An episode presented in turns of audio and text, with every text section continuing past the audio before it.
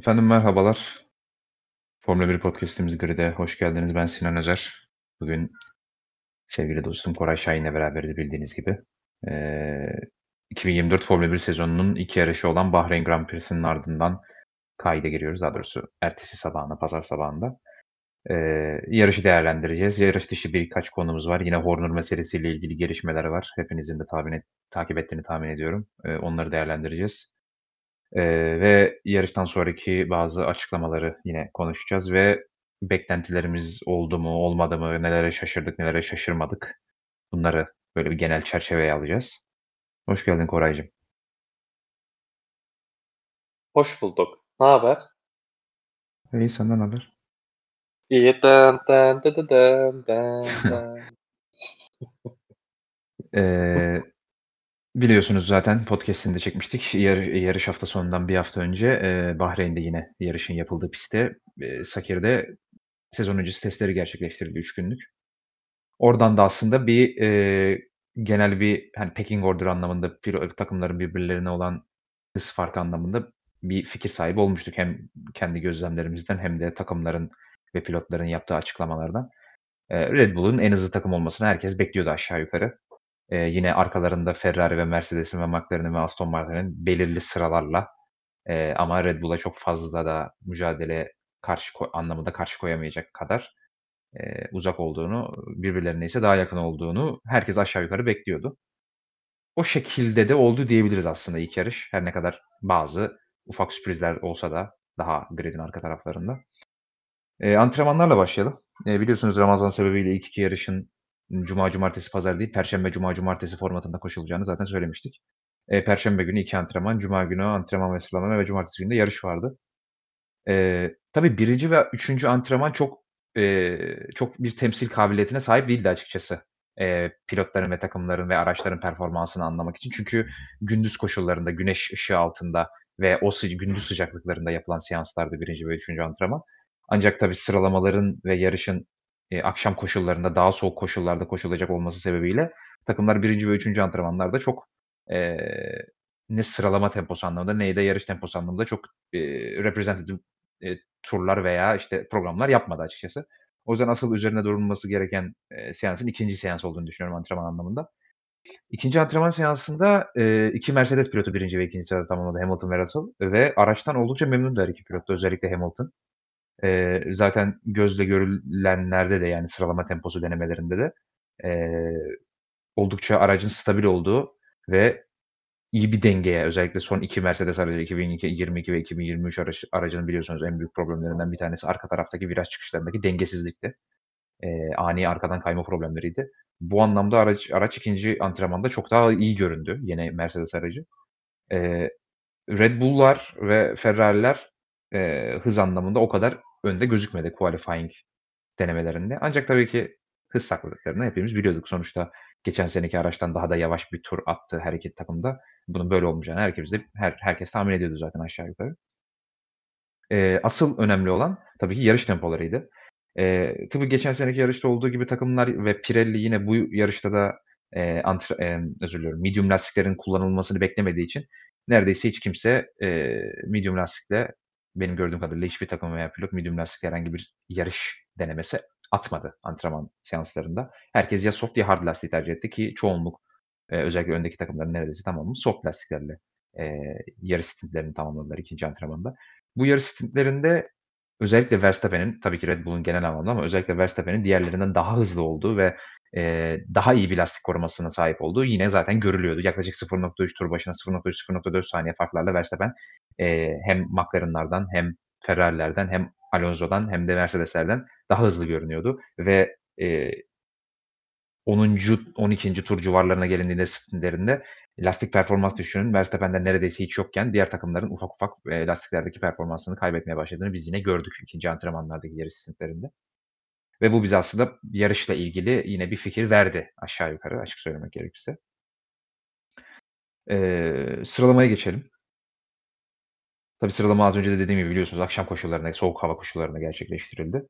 Eee, Q1'de Ferrari'nin saçma bir denemesi oldu şahsi fikrim. Eee, hem Leclerc hem Sainz'ı seansın başında, Eee, medium lastiklerle piste sürdüler. Tabii oradaki mantık çok büyük ihtimal bu medium lastikler bir daha hiçbir zaman kullanılmayacağı için, yarışta kullanmayı beklemedikleri için, eee, belki Q1'i bu medium lastiklerle geçebiliriz diye bir deneme yaptılar ama sadece 1.31'li turlar elde edebildiler medium lastiklerle ve o denemeden bir an önce vazgeçmiş oldular aslında. Zaman kaybetmiş oldular yani bu denemelerle.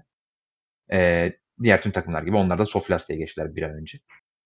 Emm Ferrari, Leclerc, eee, soft lastiklerle attığı, 0 set softlarla attığı ilk turunda çok açıkçası iyi bir tur zamanı elde edemedi. Takım arkadaşı Sainz'den de yanlış hatırlamıyorsam yaklaşık 0.2 saniye bir geride kaldı ve Ferrari o turun Q2'ye kalmak için Leclerc'e yetip yetemeyeceği konusunda pek emin değildi.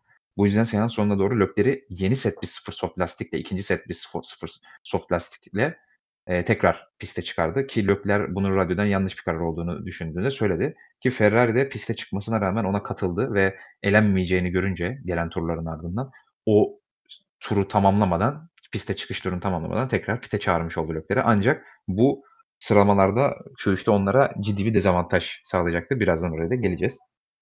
Eee, onun dışında Q1'de tabii her ne kadar eee, antrenmanların ardından herkes Alpine'lerin çok kötü durumda olduğunu görse de eee, yine de sürpriz sayılabilecek en azından geçen seneye kıyasla sürpriz sayılabilecek bir gelişme yaşandı ve Alpine'ler son 2 sırada tamamladı Q1'i. Gasly 20. Ocon da 19. sırada tamamladı ve araç gerçekten hem hız anlamında hem sürülebilirlik anlamında oldukça oldukça kötü gözüktü. Çok korkunç göründü. Özellikle zaten çıkan haberlerde de Fransa kaynaklı özellikle çıkan, çıkan haberlerde de aracın eee, ağırlık anlamında en az 10 kilo fazlası olduğu söyleniyordu. Bu gerçekten gözle de görülebiliyordu. Zaten biliyorsunuz 10 kilo demek Formula 1 aracı için korkunç bir ağırlık demek yani. Çok ciddi bir eee, sürülebilirlik, denge ve hız kaybı demek. Araç resmen e, frenlemede özellikle o orta hızlı, uzun uzun süren virajlarda eee, araç pilot ayağını gazdan ve frenden çektiğinde o süzülme esnasında eee, sürekli çok yoğun bir understeer yaşıyordu. Eee, hem Gasly'de hem Ocon'da görebildik bunu ve hiçbir performans elde edemeden araçtan son 2 sırada tamamladılar sıralamayı. Eee, yine 2 Sauber pilotu Zhou ve Bottas elendi ve onlara eşlik eden diğer pilot da Sargent oldu. Böylece 2 Sauber, 2 Alpine ve Logan Sargent Q1'de elenmiş oldu. Eee, Q1 böyle geçildi. Q2'de eee, tabii ki eee, artık öyle bir medium denemesi yapan vesaire bir takım da kalmamıştı zaten. Eee, Q2'de eee, tabii ilk Q1 seansında 2 set soft kullanma, kullanmak zorunda olan takımlar ilk haklarını kullanılmış setlerle, ikinci haklarını 0 setlerle atmayı tercih etti.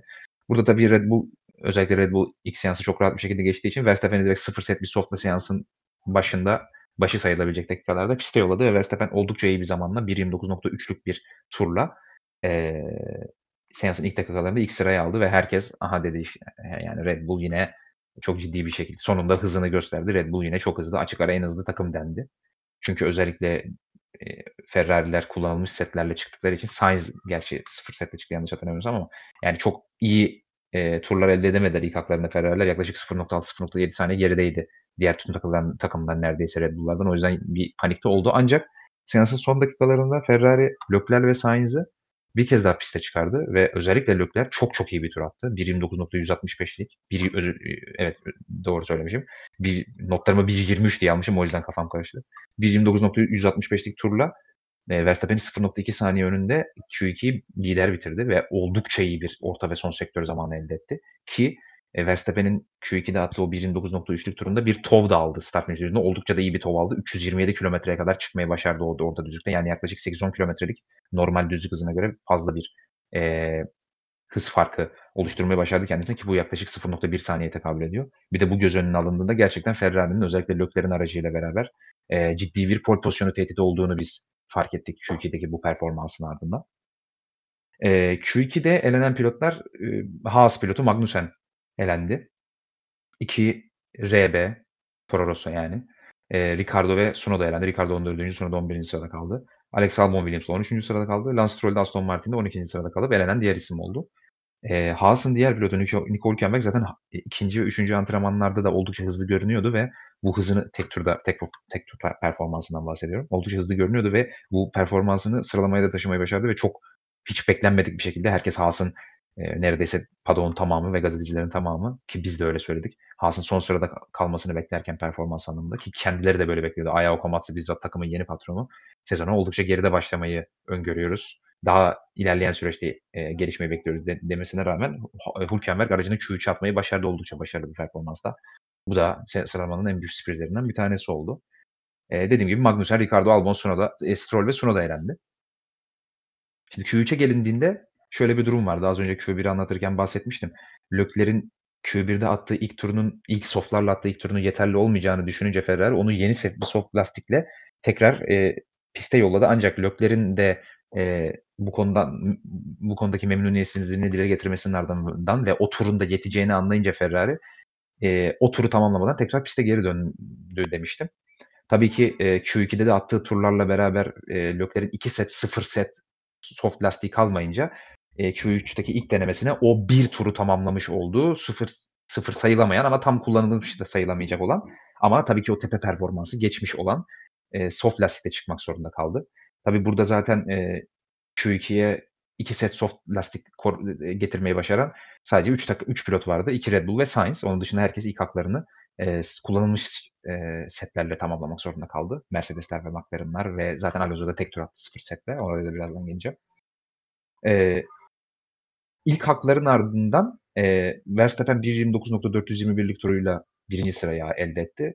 Leclerc o bir tur kullanılmış lastiğiyle 1.24.480'lik turuyla 0.059 yani Verstappen'e oldukça yakın bir zamanla 2. sırada yer aldı. Kullanılmış lastiklerle çok iyi bir tur attı George Russell ve 3. sırayı elde etti ilk hakların ardından. Onun arkasında 0 set eee, softlarla attığı turuyla Sainz, eee, onun arkasında Norris, Perez ve Hamilton ilk 7'yi tamamladı. Bu pilotların pite dönmelerinin ardından eee, yaklaşık seansın bitmesine 4 3,5-4 dakika kala eee, boş pist avantajını el kullanmak isteyen eee Aston Martin, Fernando Alonso'yu tek bir tur atabilmesi için boş pistte 0 set lastiklerle çıkarttı. Alonso eee, kendisinin de şaşırdığı bir performansla oldukça iyi bir tur attı ve 1.29.5'lik turuyla pilotlar henüz 2. turlarına başlamadığı sırada 3. sırayı elde etmiş oldu Verstappen ve Leclerc'in ardından. Daha sonra tabii ki seansın son dakikalarında tüm pilotlar eee, Hülkenberg ve Alonso dışındaki kalan 8 pilot 2 Ferrari, 2 Mercedes, 2 McLaren ve 2 Red Bull eee, pilotlarını 0 set soft lastiklerle bir kez daha piste yolladı.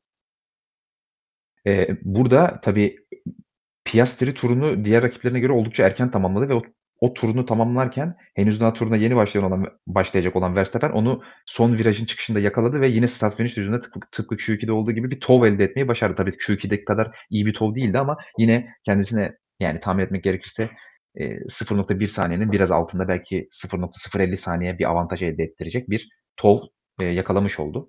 Ve e, zaten ilk turu ilk sektöründe de kendi turunun ilk attığı turdan daha iyi bir ilk sektör atıp mor bir ilk sektör atmayı başardı. Eee, turunu tamamladığında 1.29.179'la kendi ilk yani seansın başında attığı kendi ilk turunu yaklaşık 0.2 saniyenin biraz üzerinde yaklaşık 0.250 saniye, çeyrek saniye geliştirmiş oldu. Eee, 0 set soft lastiklerle çıkan Leclerc ise eee, orta sektörde ve son virajda yaptığı ufak hatalarla beraber kendi turunu sadece 0.080 geliştirebildi ve 1.29.4'lük turuyla eee, 2. sırada kaldı. Verstappen'in 0.22 saniye arkasında tamamladı sıralamayı. Onun arkasında kendi turunu ilk attığı turu yine geliştiren Russell Alonso'yu geçmeyi başardı ve 3. sırada tamamladı. Sainz 4. sırada bitirdi sıralamayı. Perez 5. Alonso attığı tek turla 6. oldu. Eee, kullanılmamış lastiklerle oldukça oldukça eee, kullanılmış lastiklerle ilk hakkında oldukça iyi bir tur atan Norris eee, turunu 0 la set lastiklerle istediği gibi geliştiremedi ve sadece 7. sırada kaldı. Takım arkadaşı Piastri de 8. bitirdi sıralamayı. Yine eee, sıralamalarda eee, hayal kırıklığı yaşadığını söyleyebileceğimiz performans anlamında Hamilton 9 oldu. Emm Hülkenberg de zaten Haas'ın taktiği gereği kendisi zaten ama ayağı koması bizzat kendisi açıkladı. Haas'ın taktiği gereği 0 set lastiği korumak için eee, eee, anlamlı bir tur tamamlamadı ve kullanılmış setlerle attı o anlamsız turuyla da eee, 10. sırada eee, sıralamayı bitirmiş oldu. Eee sıralamalardan sonra bir ki Leclerc'in bir açıklaması var ve onu da onu da şey yapıp bu uzun monoloğu biraz uzattım farkındayım. Kusura bakmayın. Bu uzun monoloğumu bitirip Kore'ye söz vereceğim antrenman ve sıralama değerlendirmesi için. Leclerc eee, tabii ki Q2'de attığı 1.29.165'lik turunu aynı turu atabilse pole pozisyonunu elde ediyordu.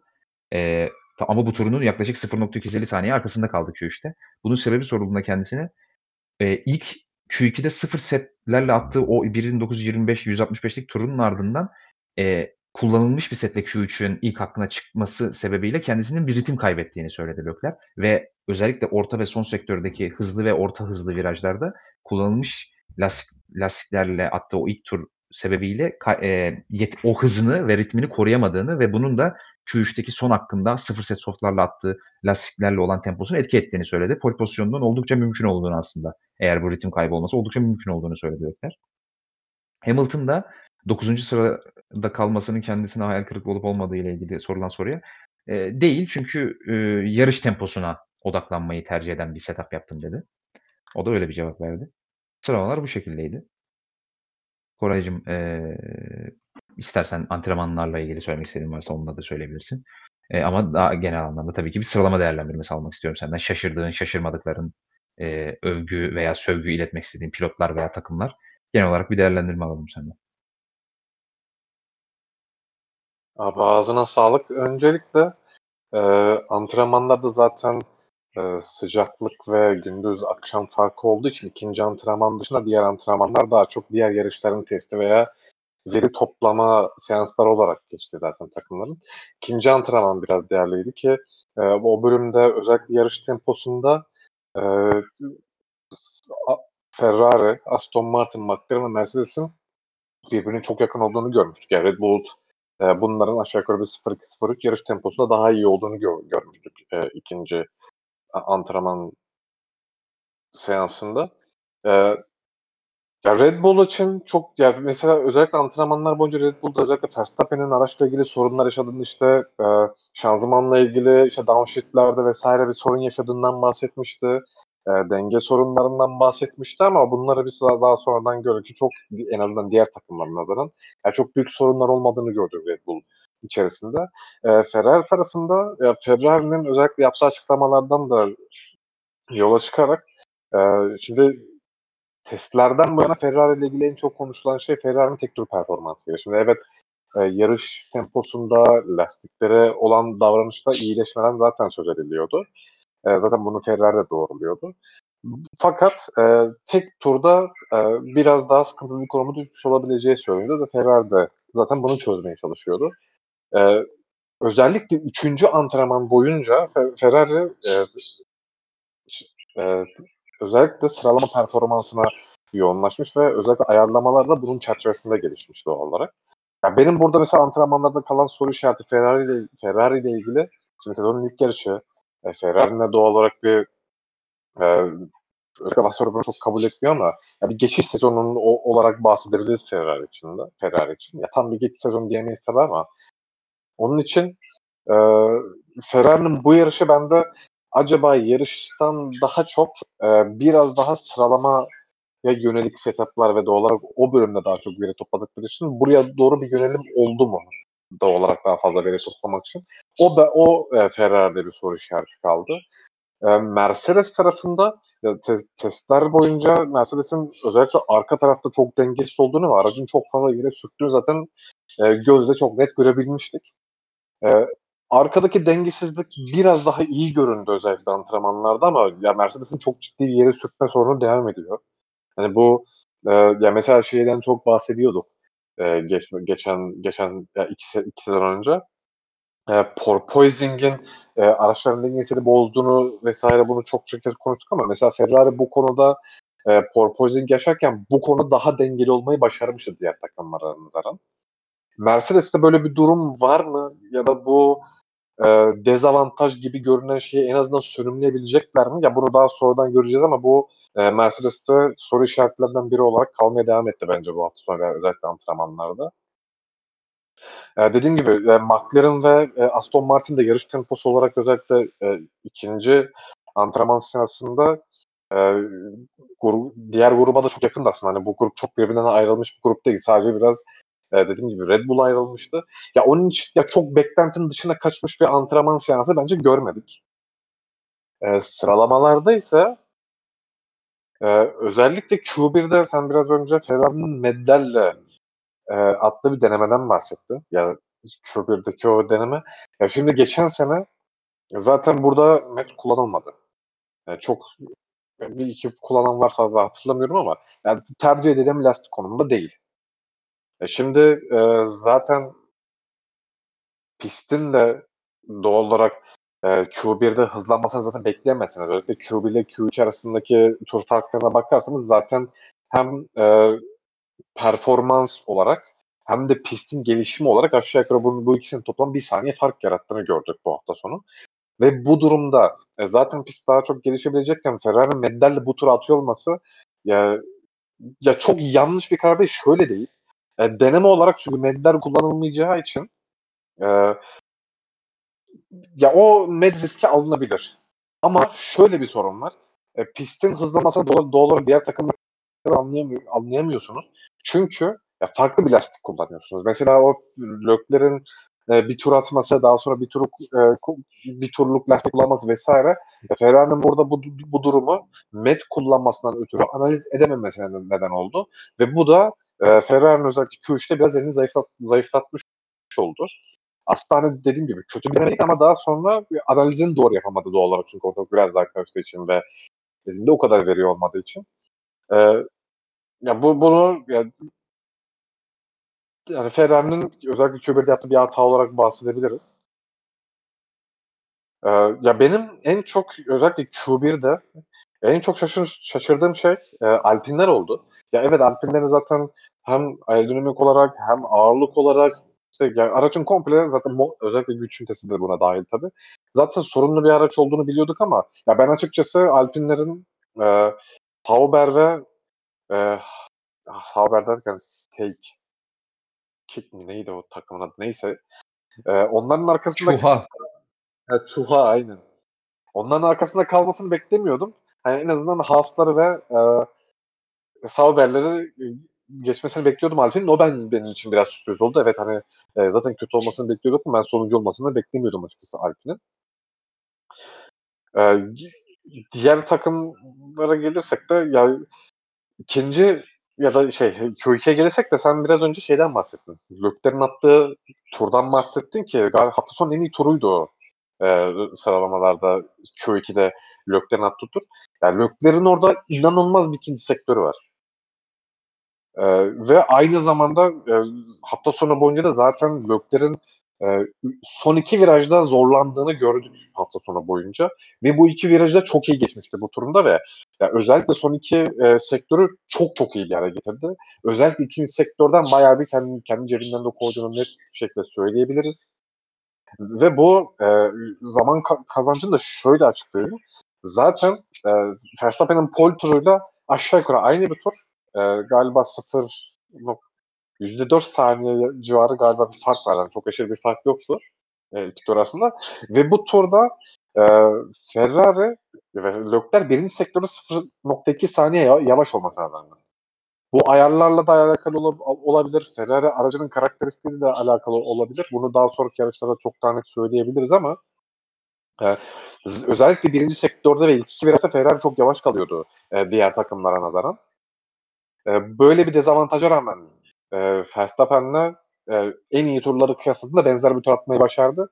Hani bu e, ya şöyle bir çok erken ama Ferrari'nin yavaş virajları sevmediğini e, özellikle ortaya hızlı virajlar biraz daha iyi olabildiğini e, söyleyebiliriz ama dediğim gibi hani şu an için e, buna çok net bir yorum yapamak için çok erken ama ilk gösterge şimdilik e, bu en azından Red Bull Ferrari arasında. E, aynı zamanda işte lastik ısıtma problemleri de e, Ferrari'de olabileceği ilk sektörde yavaş kalması nedenlerinden biri olarak görünüyor ama dediğim gibi bunlara daha sonradan geleceğiz. E, Red Bull cephesinde yani Red Bull'un zaten hani e, geçen sene göre diğer takımlarla arasında bir şeyi söylüyorduk. E, zaten hani nasıl söyleyeyim? E, sıralamalarda diğer takımların nazaran Red Bull'la diğer takımlar arasındaki fark kapanıyordu. Ya bu e, devam ediyor gibi görünüyor. Çünkü e, Red Bull'un asıl alameti farkasının hala lastikler lastikleri olan davranışta olduğunu bu yarışta bence çok net bir şekilde gördük. Çünkü e, hız olarak işte e, sıralama turlar sonucu ilk hani şeyi saymıyorum. E, Hülkenberg'i saymıyorum. Onun dışında bütün araçların ilk onun yarım saniye içinde dizildiğini gördük. Ya bu aslında umut verici bir gelişme. E, çünkü Red Bull'un daha sonra konuşacağız bulunduğu durumda düşünürsek e, bu biraz e, sezon içinde bu durumların daha iyi gidebileceğini bence bir gösterge olabilir ama hani dediğim gibi hala çok erken çok fazla değerlendire, değerlendirebileceğimiz bir veri yok ama hani ilk görüntü bence kötü değildi o konuda özellikle sıralama özelinde. Ee, Onun için yani Red Bull'un geçen seneki durumu çok net bir şekilde devam ediyor. İşte sıralamalarda diğer takımlarla arası biraz daha kapalı. Ee, yarışta özellikle lastik performansı da hala fark yaratmaya devam eden bir araç olarak gör, görüyoruz Red Bull'u. Ee, Ferrari, e, McLaren ve Aston, şey, e, Mercedes, Aston Martin ve McLaren cephesindeyse ya ben açıkçası biraz e, Aston Martin'lere şaşırdım. E, yarışta da şaşırdım ama özellikle sıralamalarda da. Çünkü e, Aston Martin'in bu sene e, sıralamalarda çok çok daha geride kalmasına yönelik e, genel yani bir kanı vardı ya da düşünce, düşünce o şekilde. Çünkü e, Aston Martin'in zaten geçen sene e, Red Bull var bir tasarım vesaire e, özellikle orta grubu düşünüldü herkesten çok daha elastik koruyan bir araç olduğunu e, ya şöyle Red Bull'u dışarı katarsak tabii e, diğer diğer kendi rakibi olan araçlar karşı daha iyi bir lastik performansı vardı ama bu e, yarı nasıl söyleyeyim sıralamalarda o kadar fark yaratmıyordu olarak biraz da yarışta daha fazla fark yaratabilen bir durumdu. E, pol turuna nazaran yani Alonso 0.3 saniye geride kaldı ki bu ya benim beklentimin ben çok çok ötesindeydi. Ben çok çok daha geride kalmasını beklerdim Aston Martin. Onun için e, ya Stroll'ü çok bu konuda özellikle performansı, teknolojide kötü olması vesaire çok değerlendirmeye katman doğru olacağını düşünmüyorum. Alonso çerçevesinden bakarsak ya bence bu Aston Martin'in e, hem sıralama performansı için olumlu bir gelişme hem de e, kendi açımdan benim asla beklemediğim bir şeydi. Çünkü e, yarış temposunda evet biraz daha yakın olabilirdi ama e, sıralamalarda ben bu 0.3 saniye gibi fark beklemiyordum açıkçası. Aston Martin o konuda şaşırtıcı oldu. E, Mercedes de yani Mercedes böyle Mercedes de aynı şekilde yine 0.3 saniye geride kaldığını gördük ama e, özellikle burada Mercedes'te de Russell ve e, Hamilton arasındaki zaman farkının çok fazla olduğunu gördük. E, zaten antrenmanlardan sonra ve sıralamalardan sonra hem Russell hem Hamilton da açıklama yaptı. Yani ikisi de ayar olarak çok farklı yerler yerlere gittiğini söylemişti. E, sen de söyledin ya hem yarış hem de farklı farklı sıralamaya odaklı ayarlar olduğunu gördük ama ya burada e, özellikle Russell'ın çok daha doğru ayarları bulduğunu söyleyebiliriz. Çünkü ya Hamilton'dan 0.2 saniye daha iyiydi e, sıralamalarda ve ya Hamilton'ın hafta sonu boyunca zaten araçta bir cebelleştiğini gördük. Yani Hamilton kendine göre daha eksikli ayarları bulmuş olsa da ya genel olarak o ayarların doğru olmadığını bence bu hafta sonu gördük Hamilton özelinde. E, McLaren ise e, McLaren tarafında da e, ya biraz bence bu takımlara nazaran McLaren biraz daha özellikle tek tura dezavantajlı görünüyor bence. E, çünkü ya diğer takımlara nazaran en azından sıralamalarda bir 0.1 saniyelik bir dezavantajı olduğunu ya ilk yarış özelinde e, gördük e, McLaren'ların. Ya tek tur performansları yaparsak ilk e, yarış üzerinde Ferrari ve Red Bull'un tek turda çok yakın olduğunu söyleyebiliriz.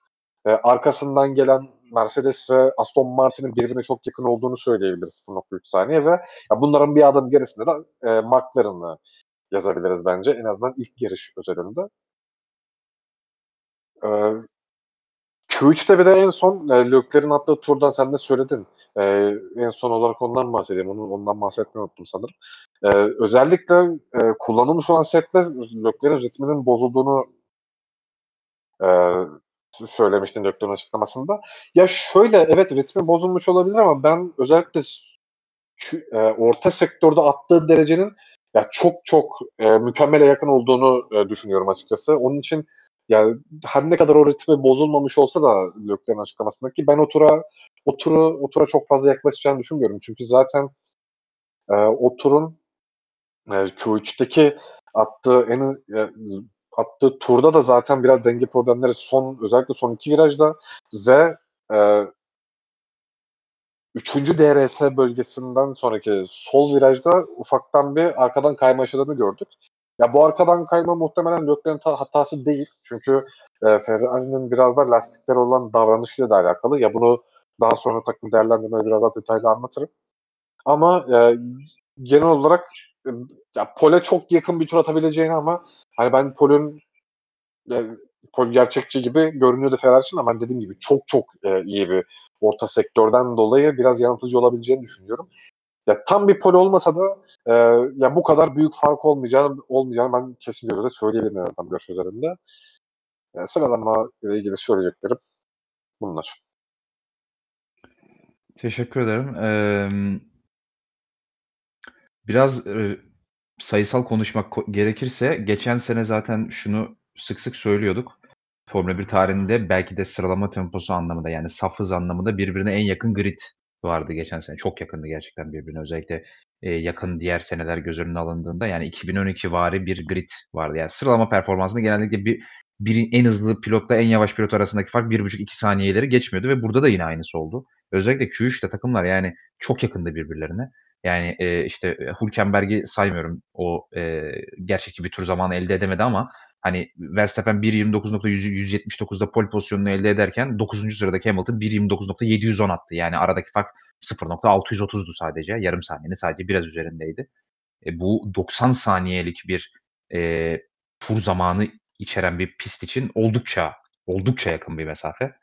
Eee, yani geçen seneki sıralama yakınlığının grid genelinde yine devam edeceğini biz, eee, herhâlde tahmin etmek çok yanlış olmaz bu, eee, bu yarışın sıralamalarını da gördükten sonra. Çünkü geçen seneki Bahreyn'den bile daha yakın bitti dediğim gibi.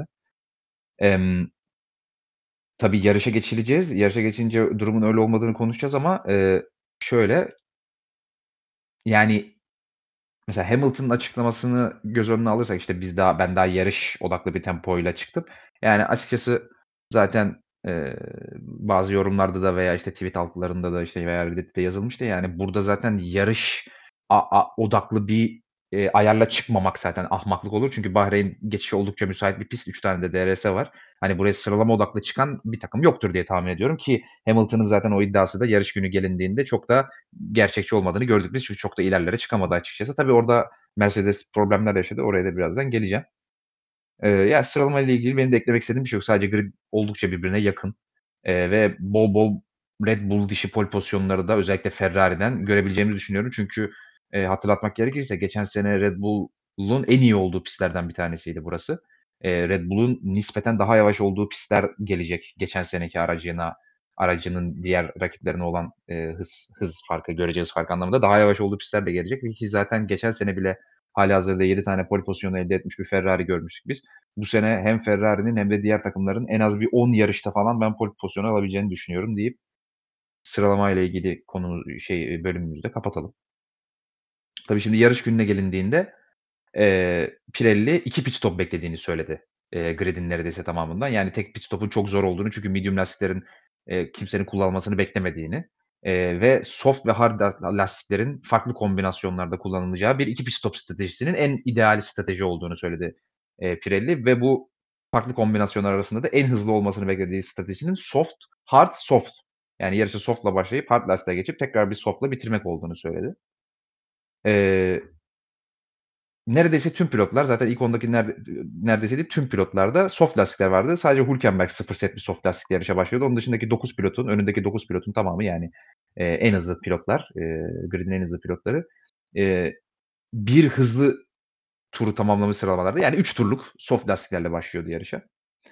Eee startta oldukça standart bir stando s start oldu aslında. Herkes, eee, hemen hemen aynı, eee, getaway'i almayı başardı ve önde sadece tek yer değişikliği, eee, 5'inci sırada yarışa başlayan Perez'in Sainz'i geçip 4'üncü sıraya yükselmesiydi. Bunun dışında herhangi bir yer değişikliği olmadı. Verstappen de ilk viraja gelirken, eee, yerini korumayı başardı bloklere karşı. Eee, tabii bu sene bir önceki podcast'imizde de bahsetmiştik. Bir kural değişikliği yaşandı. Eee, 2'nci turdan itibaren artık DRS açılmaya açılabi aktif hâle gelecekti ve pilotlar 2'nci tur turun 2'nci DRS alanında tabii ilk DRS alanında kullanamıyorlardı ama 2'nci DRS alanında DRS'yi kullanmayı başlayabileceklerdi. Bu da belki yarışın ilk turlarına daha da bir heyecan getirebilir diye düşünmüştük biz.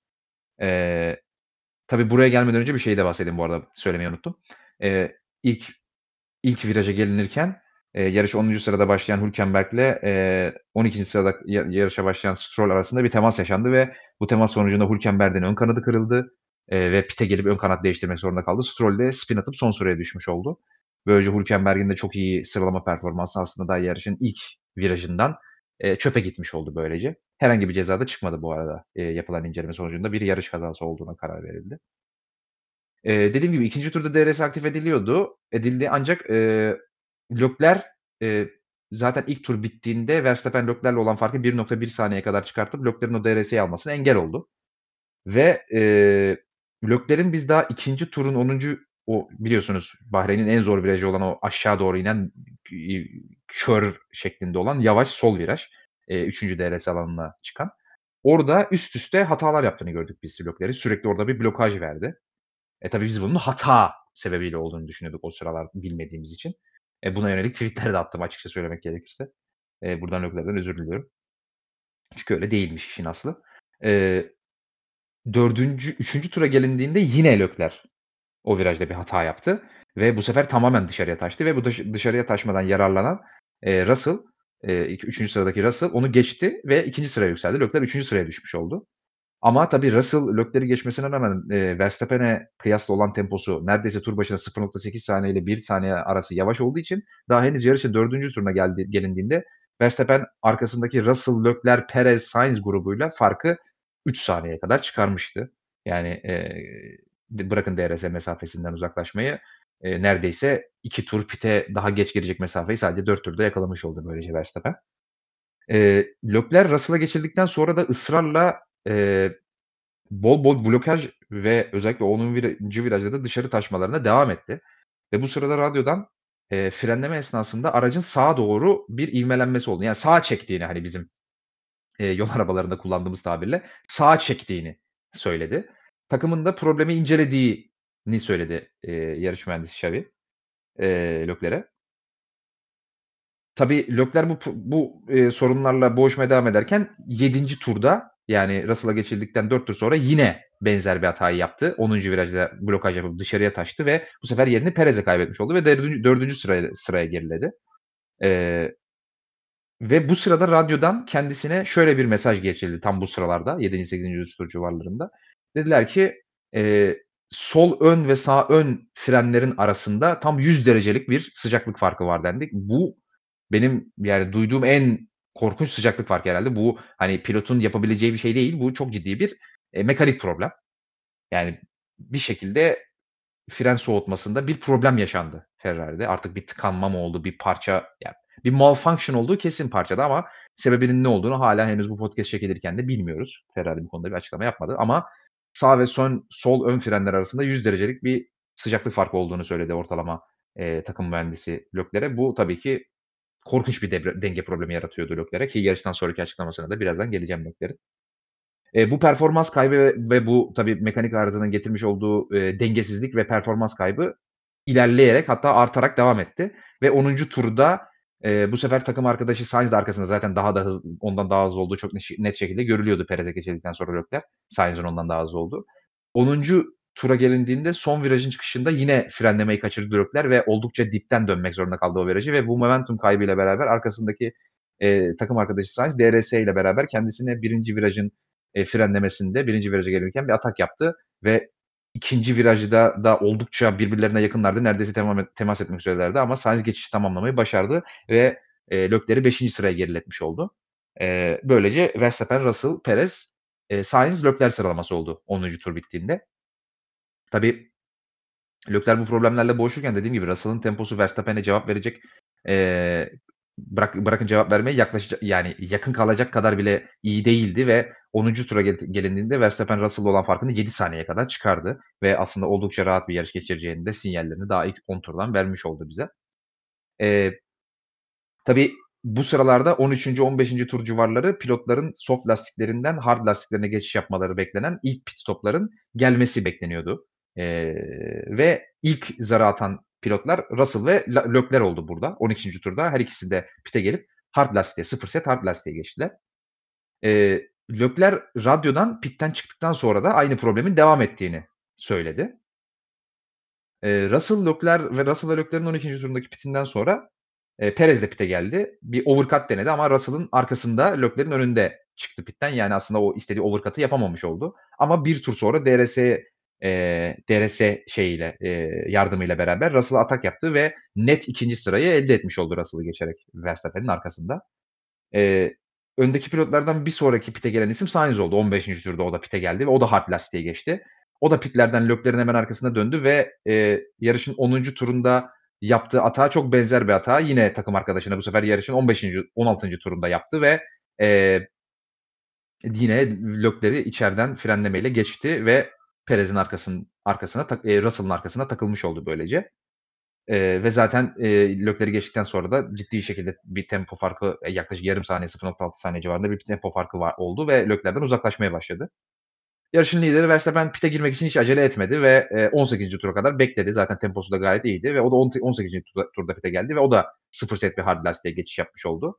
Tabii Red Bull'larda diğer rakiplerinden, eee, farklı olarak, eee, onlarda hiç yarışa 0 set soft lastik kalmamışken sadece kullanılmış 2'şer set soft lastikleri kalmışken, eee, Red Bull'da hâlâ 0 set kullanılmamış birer soft lastik vardı hem Verstappen'de hem de Red Bull, eee, Perez'de ve, eee, onlarda da rakiplerine nazaran 2 hard lastik yerine tek hard lastik vardı. Yani onların soft, hard, soft şeklinde bir, eee, yarış stratejisi yapacakları kesinleşmiş oldu aslında ilk turların ardından.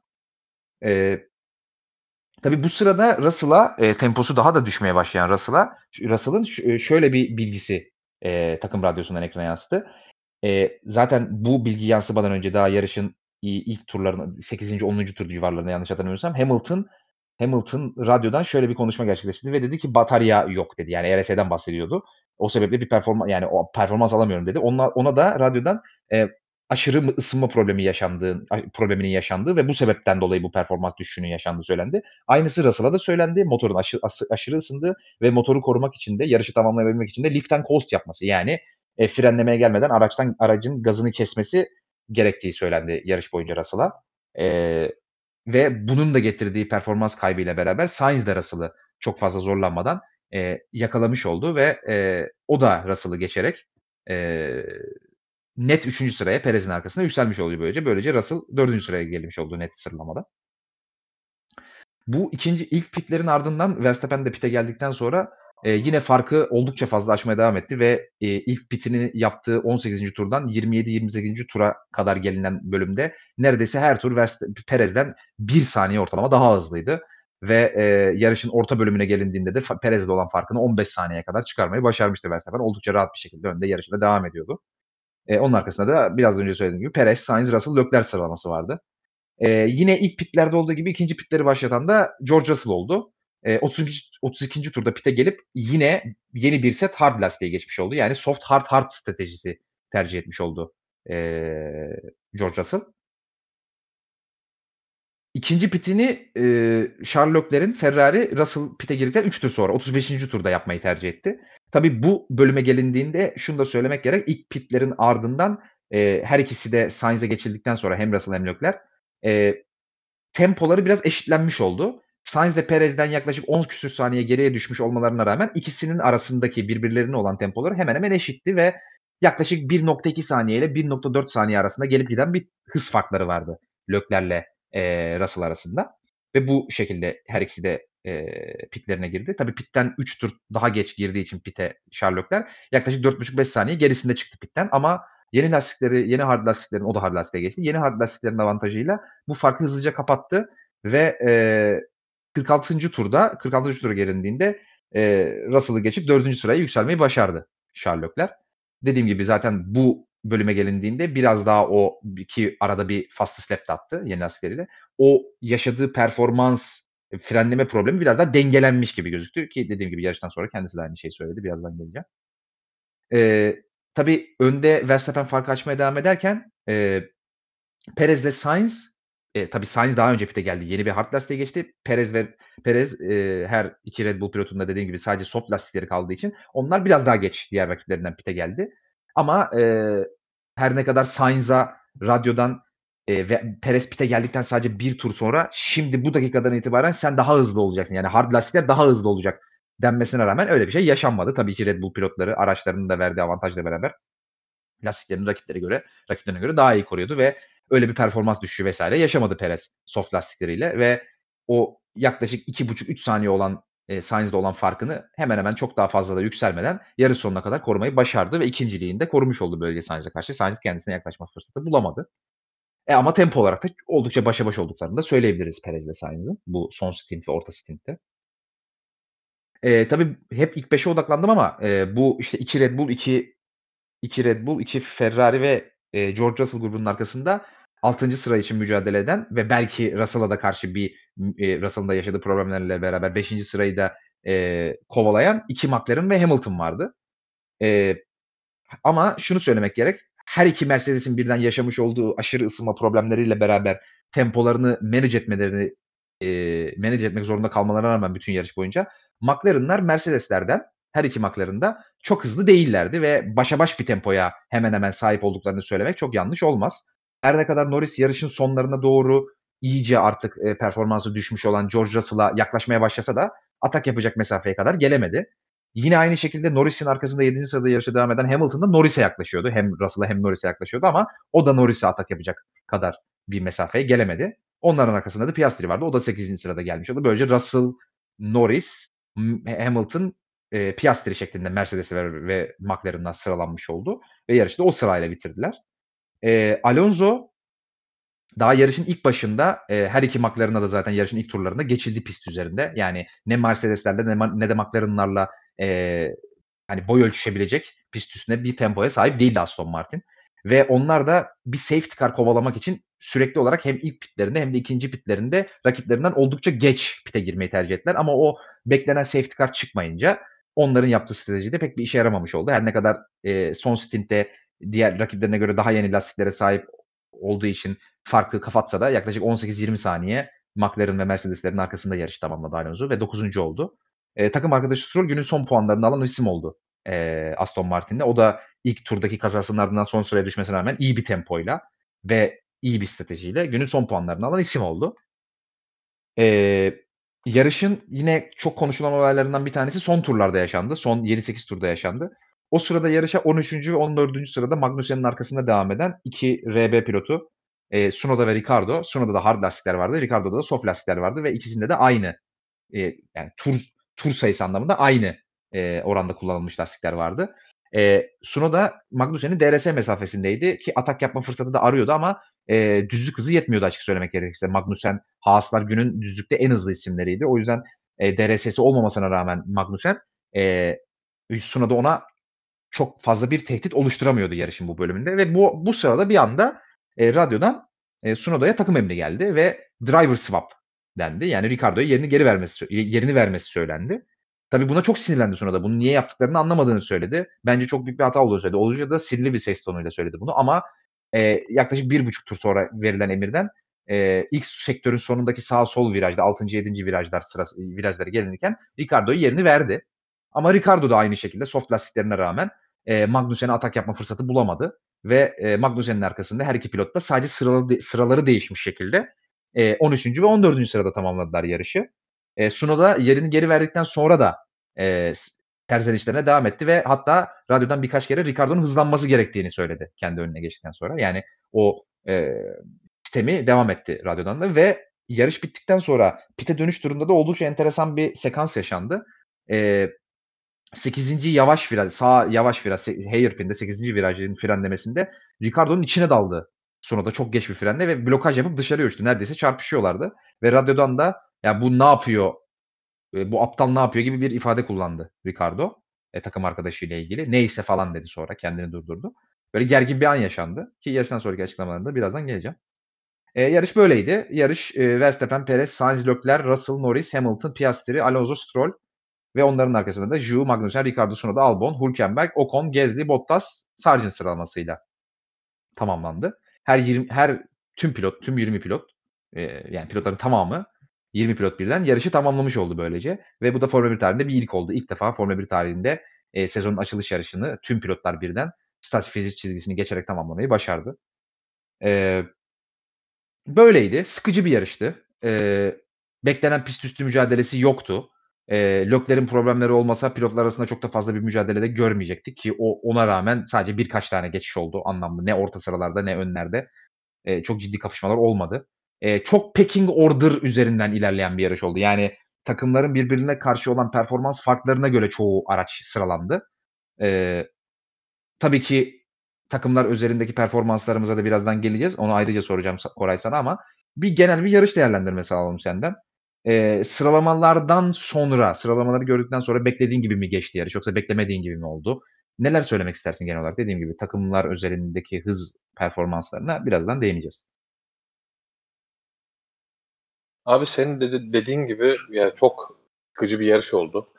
Eee, özellikle işte Verstappen'in önden başlaması işte Leclerc Perez yani çok fazla özellikle yarış temposunda düşündüğün zaman ya çok fazla mücadele tabii ki hani e, beklemiyorduk ama işte sezonun ilk yarışı işte testler, antrenmanlar, bilinmeyenler vesaire doğal olarak bir e, umut ışığı yanıyordu içimizde ama yani çok da onu karşılamadı açıkçası ilk yarış.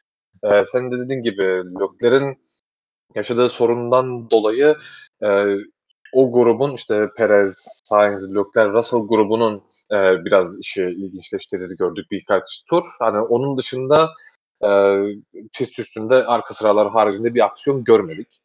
E, zaten e, Verstappen'le Perez'in arası açıldı. E, Sainz zaten Perez'le e, aynı tempoyu tuttursa da şeyi bulamadı, yaklaşacak performansı bulamadı zaten lastik farkı da vardı. E, hani Leclerc sorun Leclerc Russell zaten sorunlar uğraşıyordu. Onun için hani e, hem performans olarak hani takımların bireysel performans olarak da sorunlu bir aksiyonu geçti. E, hem de ya hız farklarının işte yarışta zaten testlerde vesaire konuşuyorduk Red Bull'un özellikle e, lastiklerden çok fazla fark yapacağını. Bunu tekrardan e, görmüş olduk, bunun devam ettiğini görmüş olduk. Hani genel olarak üstünde e, stratejiler ve şey üzerinde çok çok e, düş, düşünüp e, konuşacağımız bir yarış olmadı bence. E, zaten o e, orta bölümdeki orta bölüm derken yani Lökler'in oluşturduğu karışıklık daldıktan sonra yarış tek düze olmaya başladı. Yani onun dışında hani zaten e, arka bölüm dışında senin dediğin gibi çok fazla bir aksiyon görmedik. Yani onun için bence de yani kötü bir başlangıç oldu. Ee, yarış sonrası açıklamalarına biraz değinmek istiyorum. Ee, Ferrari'lerden başlayalım. Önce Charles Leclerc'in açıklamasından başlamak istiyorum. Çünkü o yaşadığı problemle ilgili bize bazı bilgiler verdi Leclerc. Dedi ki e, işte hepinizin bildiği gibi frenleme, fren ön iki frenim arasında sıcaklık farkından dolayı çok ciddi bir denge problemi yaşadım dedi frenleme esnasında. Özellikle yarışın ilk 15 turunda bu problemle başa çıkmak benim için imkansızdı dedi ve her tur daha da kötüye gidiyordu dedi. Ee, özellikle 9. ve 10. virajlara gelinirken ki o frenlemede bir önceki tur blokaj yaşadığım için en az 3 metre daha da erken frenliyordum ama buna rağmen yine blokaj yaşıyordum dedi. Yani e, nerede frenlemem gerektiğini bir türlü kestiremiyordum bu sebeple dedi. Problemi stabil, problem yarış boyunca asla düzelmedi dedi. Bütün yarış boyunca devam etti ama 20. turlara gelindiğinde biraz daha stabil hale gelebildiği için en azından e, hangi virajın hangi kısmında frenleme yapabileceğimi yapabil yapabil yani nere, nerede fren yapabileceğim konusunda daha e, istikrarlı bir performans, daha istikrarlı bir düzen oturtabildim dedi. E, problem stabil hale geldikten sonra dedi. İşte biraz önce söylediğim gibi ön sağ ve sol e, ön fren arasında 100 derecelik bir fark olduğunu kendisi yine tekrarladı. E, ve bu problemin farkına da vardıktan sonra e, yapabileceğim en iyi şeyin aracı bir şekilde fin, start finish çizgisine getirmek olduğunu fark ettim ve bunu bunun için uğraşmaya başladım dedi.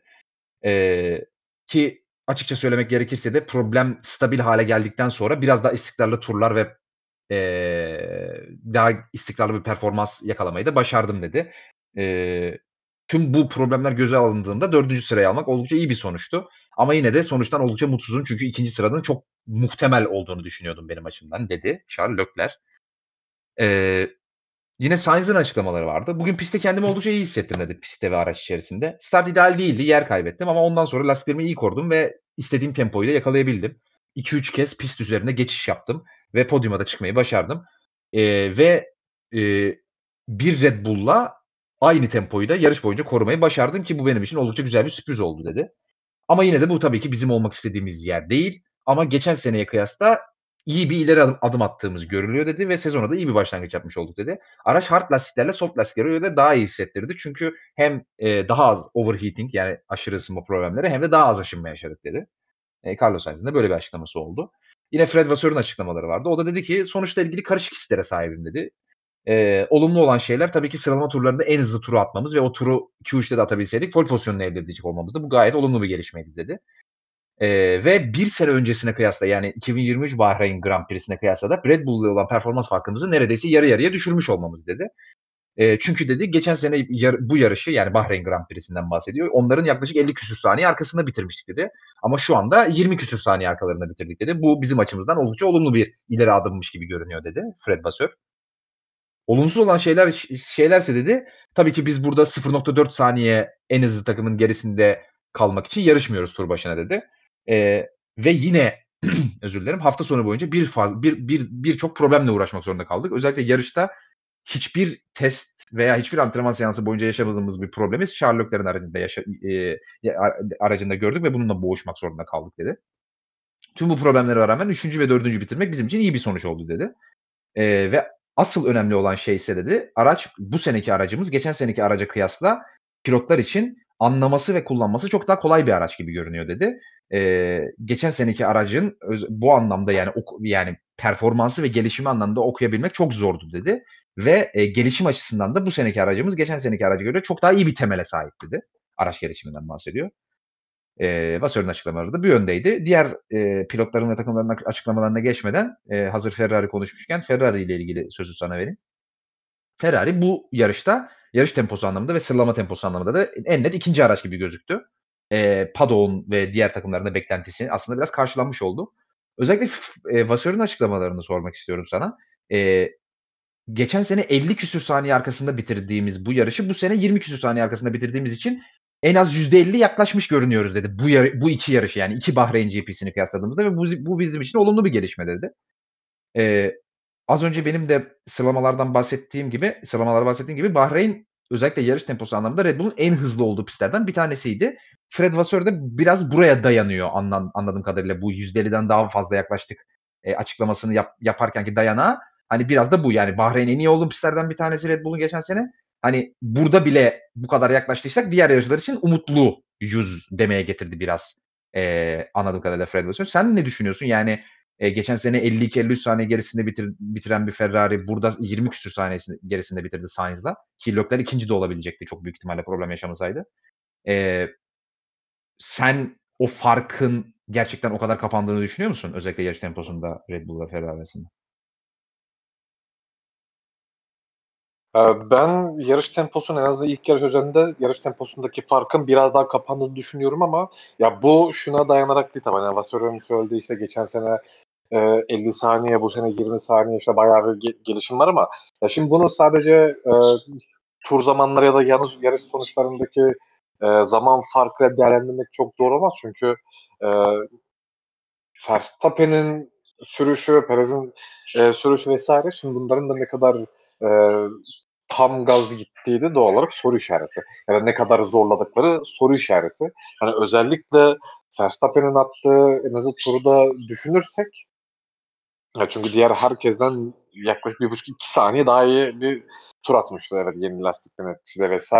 Ama yarış temposuna baktığımızda da zaman zaman, eee, özellikle Sainz'la Perez'le kıyasladığımızda ya bazı turlarda 1 saniye daha tu iyi tur atabildiğini görüyorduk Verstappen'in.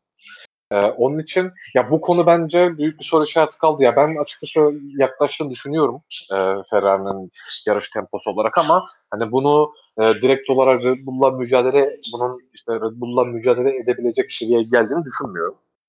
Eee, ama eee, hani Vasseur bir bir konuda, eee, haklı olduğunu söyleyebiliriz. Ya geçen sene kadar ya özellikle araçtaki dengesizliğin, eee, geçen sene kadar fazla olmaması, doğal olarak bu konuda gelişim olması vs. e, doğal olarak, eee, lastikleri daha iyi koruduğu için e, bu zamanın zaten, eee, Ferrari'nin temel sorunu hız olmadığı için ya zaten beklenilen bir şey bu. Hani çok sürpriz olabilecek ya da, eee nasıl söyleyeyim, ya çok fazla aksini iddia ede edebileceğimiz bir şey değil ama ya dediğim gibi düşünüldüğü kadar ya da görüldüğü kadar yüksek olmayabilir. Çünkü, eee, o fark düşümü o kadar yüksek olmayabilir. Çünkü ya bence bu özellikle Red Bull, Ferrari, eee, kıyaslaması kıyaslaması için, eee, yeterli veriyi alabildiğimiz bir yarış olmadı. Zaten bir yarış bunun için yeterli olmaz tabii ama, eee, Leclerc'in yaşadığı sorunlar, eee, Sainz'ın ne kadar bu tempoya, eee, ayak uydurmaya çalıştığı çünkü hem, eee, lastik koruma performansı hem pilotların bireysel performansı ya doğal olarak, eee, yarış temposuna baktığımızda Sainz Leclerc'in çok gerisinde kalan bir pilot ve Leclerc'i de o saf temposunda bütün yarış boyunca izle izleyemediğimiz için e, bu bir soru işareti olarak kaldı. Ve aynı zamanda, eee, bu performansa dayalı olarak atıyorum daha iyi performansa gelen Leclerc olsaydı bu konuda özellikle Verstappen'in, eee, tur zamanları olarak tempo olarak cevabı nasıl olacaktı? Ya bunlar bu yarışta soru işaretli soru işaretleri olarak bence kaldı ama, eee, ilk yarış özelinde, eee, senin de verdiğin, eee, istatistiklere vs. bakarsak ya şu da var. Eee, mesela, eee, Leclerc'in yaşadığı sorunlar özellikle bu grubun ya çok fazla birbiriyle mücadele ettiğini gördük ve bu doğal olarak çok fazla zaman kaybettiren bir durum.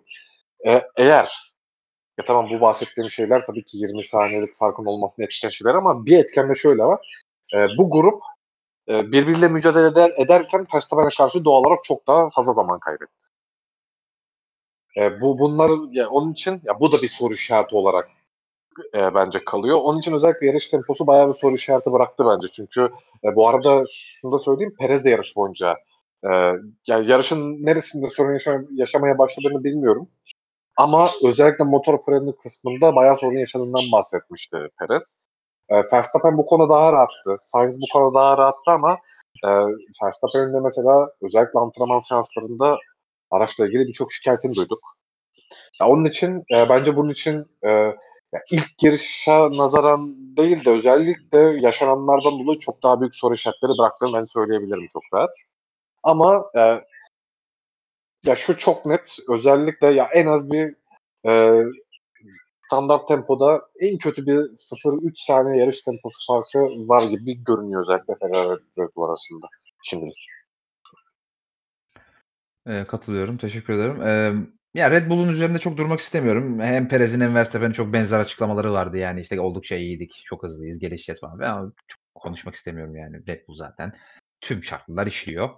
Eee, tüm şartlar işliyor. Perez şartlısı da aynı şekilde hiç devam etmeden işliyor. Hala Verstappen'den bir saniye yiyor tur başına yarışta. Tebrik ediyoruz kendisini. Bizim gerçekten eee, sınavımız bence F1 fanları olarak. Eee, böyle görmek lazım. Bizim sınavımız da Perez izlemekmiş yani. Yapacak bir şey yok. Eee Mercedes'in yaşadığı, yarışta yaşadığı, ııı, aşırı ısınma problemlerinden bahsetmiştim her iki her iki pilotuyla beraber hem Mercede hem, eee, Hamilton'da hem Russell'da. Toto Wolff'un bu konuda açıklamaları oldu. Dedi ki henüz anlamadığımız bir bir sebepten ötürü motorda aşırı pro ısınma problemleri yaşadık dedi. Eee, müşteri takımlarımızdan Williams da aynı problemi yaşadı ama Aston McLaren'la Aston Martin'de böyle bir problem olmadı. Bu garip, beklenmeyen bir şeydi dedi. Eee, tabii aşırı ısınma problemiyle beraber hem batarya yani bataryada, eee, problemler, batarya kullanımında problemler yaşadık hem de, eee, tabii lift and coast yapmak zorunda kaldık motorun sıcaklığını korumak için dedi ve bu bize, eee, tur başına yaklaşık yarım saniye, 0.5 saniye kaybettirdi dedi. Ben biraz abartı bir veri olduğunu düşünüyorum. Eee, Russell'ın da benzer açıklamaları oldu. Ama Russell eğer bu problemi yaşamasaydık araç oldukça dengeli ve hızlı görünüyor dedi. Russell daha olumlu konuştu. Hamilton ise daha olumsuz konuştu. Benim beklediğimden daha yavaştık bugün dedi. Problemlere rağmen ben daha hızlı olmayı bekliyordum dedi. Red Bull'da farkın bu kadar açık olmasını beklemiyordum dedi. Red Bull yani özür dilerim. Mercedes tarafında Russell daha optimistken Hamilton biraz daha pesimist davrandı. Eee, Toto Wolff ayrıca, eee, Suudi Arabistan'da böyle bir problem yaşamayacaklarını da yaşamayacaklarından emin olduğunu da, eee, belirtti ayrıca ısınma problemleriyle ilgili. Ya benim tahminim, eee, biliyorsunuz, eee, takımların, eee, motor kapağında ve sidepod tarafında ekstra havalandırma delikleri oluyor ve bunları, eee, hava ve pist sıcaklığına göre beklentilerini, eee, simülatörlerde, eee, hani, fark edip ona göre bir, eee, hani, bir hesaplama yapıp bu deliklerden bazılarını açık bazılarını kapalı tutuyorlar. Tabii burası bir akşam yarışı olduğu için ve hava sıcaklığı da yaklaşık yanlış hatırlamıyorsam yarış sırasında 20 dereceler civarındaydı. Eee, bir akşam yarışı ve soğuk bir sıcaklık ol eee, bir hava sıcaklığı olduğu için o sırada, eee, tahmin ediyorum Mercedes, eee, beklediğinden daha, eee, fazla bir, eee, motor sıcaklığıyla karşılaştı ve o hava deliklerinden daha yani olması gerekenden daha fazlasını kapattığı için bence böyle bir, eee, problem yaşamıştır diye tahmin ediyorum. Eee, çok aman aman bir, işte, bir fundamental problem, bir yapısal problem olduğunu düşünmüyorum açıkçası. Böyle basit bir şeydir diye tahmin ediyorum ama, eee, Toto Wolff yaklaşık 0.5 saniyeye mal olduğunu söyledi. Ben dediğim gibi yani bu bence abartı bir değer. Eee, 0.5 saniye tur başına daha hızlı olsaydı net 2'nci en hızlı takım oluyordu yarışta, eee, Mercedes. Ben bunun böyle olduğunu açıkçası düşünmüyorum.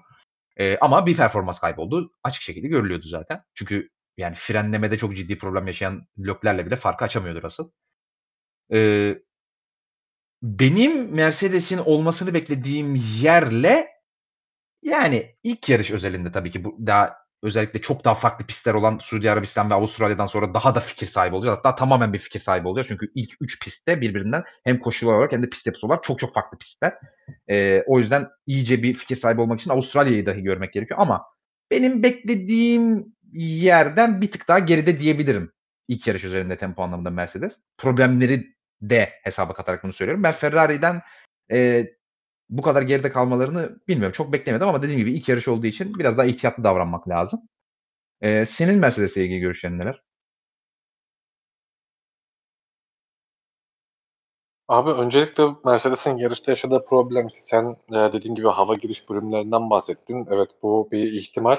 E, bir de şöyle bir ihtimal var bununla ilgili. Şimdi e, ne kadar bu hava giriş çıkış dengeleri değişiklik vesaire olsa bile e, bu konudaki en büyük e, şeylerden yani motor soğutmasındaki en büyük etkenlerden biri de özellikle motor kapağının üst bölümünde bulunan hava çıkış bölümleri. Şimdi e, hem senin dediğin gibi giriş bölümleriyle ilgili bir sorun olabilir. Aynı zamanda e, oradaki havayı tahlil edebilecek çıkış, çıkış bölümlerinde de sorun olabilir. Yani e, Mercedes'le ilgili bu ısınma problemleri eğer çünkü burası kirli bir pist eğer bundan kaynaklı bir sorun değilse ki e, Williams'ın da e, aynı problemi yaşaması bu, bu konuda bence bir soru işareti bırakıyor. E, muhtemelen ya diğer ünitelere göre biraz daha e, havaya hava akışına ihtiyaç duyan bir motora sahip olabilir Mercedes bu konuda. Ya o da şöyle e, dediğim gibi hani zaten Mercedes için bir geçiş sezonu olduğundan bahsediyoruz. Hani e, zaten hafta sonu boyunca hem Russell hem de Hamilton farklı ayarlar işte yarış ve sıralama vesaire ikisi de çok farklı yerlere gittiklerinden bahsetmişlerdi.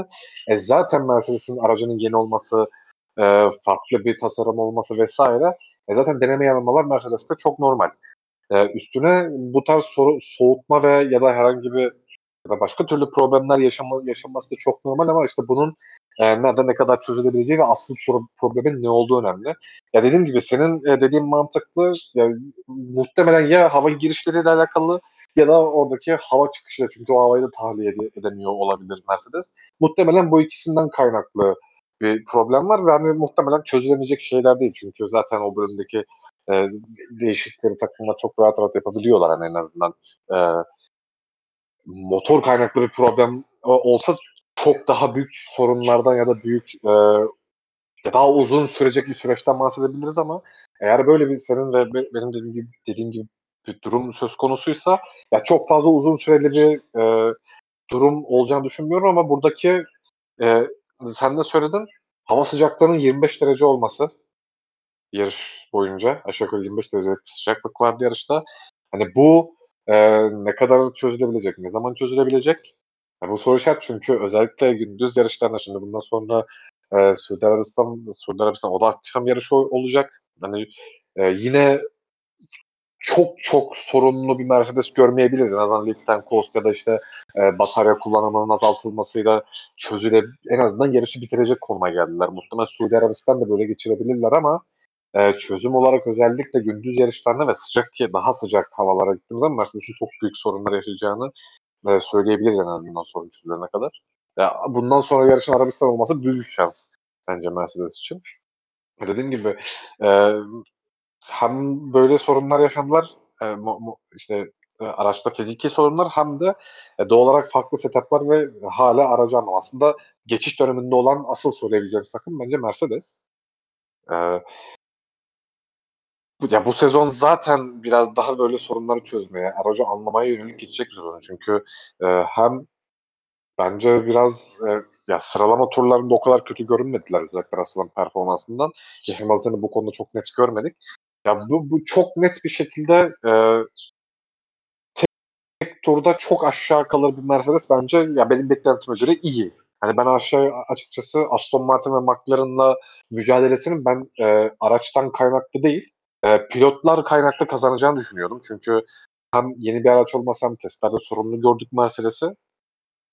Ama bence ilk görüntü e, biraz daha e, evet pilotlar tabii ki farklar yaratacak ama araçta hem Aston Martin hem McLaren tarafında o kadar geri kalmış bir araç değil. O görüntüde gördük. Hani bu kadar sorunla boğuşmasına rağmen. E, üçüncülük için ya şu ana kadar eğer bu problemler bence ya çözülebilir şeyler özellikle e, ısı problemi vesaire. Ya onun için ben üçüncülük için en net adayı hem araç performansı hem de pilotlardan dolayı yani Mercedes'in olabileceğini düşünüyorum. Yani dediğim gibi ben Mercedes'in e, geçiş sezonunda olması vesaire hani çok fazla ben e, ön gruba yaklaşabileceğini de çok düşünmüyorum açıkçası Mercedes'in. Eee, teşekkür ederim. McLaren'a geçelim biraz da. Eee, McLaren, eee, biliyorsunuz geçen sene burada korkunç bir sezon başlangıcı yapmıştı ama, eee, sezon ortasına getirilen sezon yani Avustralya yarışını Avusturya yarışından itibaren getirilen güncellemelerle sezonun en hızlı 2'nci 3'üncü takımları arasına giriş yapmıştı ve düzenli olarak podyum mücadelesi hatta sprint yarışı kazanacak seviyeye dahi gelmişti. Eee, burada kendilerinin, eee, hem pilotlar hem de Andrea Stella'nın yaptığı açıklamalarda burası bizim en hızlı olduğumuz pistlerden bir tanesi değil. O yüzden burada çok fazla bir beklentimiz yok demişti ama, eee, yani bu bek kendi beklentileri göz önüne alındığında nispeten beklenen bir performans sergilediğini söyleyebiliriz. Bir Mercedes'i arkalarına almayı başardılar. Diğer Mercedes'i de birkaç tur daha olsaydı belki geçebilirdi Norris ama tabii ki Mercedes'in yaşadığı problemler sebebiyle bunun böyle olduğunu da söylemek lazım. As açıkçası, eee, problemler bir kenara bırakılıp, eee, hız anlamında bakıldığında, eee, Red Bull, Ferrari ve Mercedes'in arkasındaydı.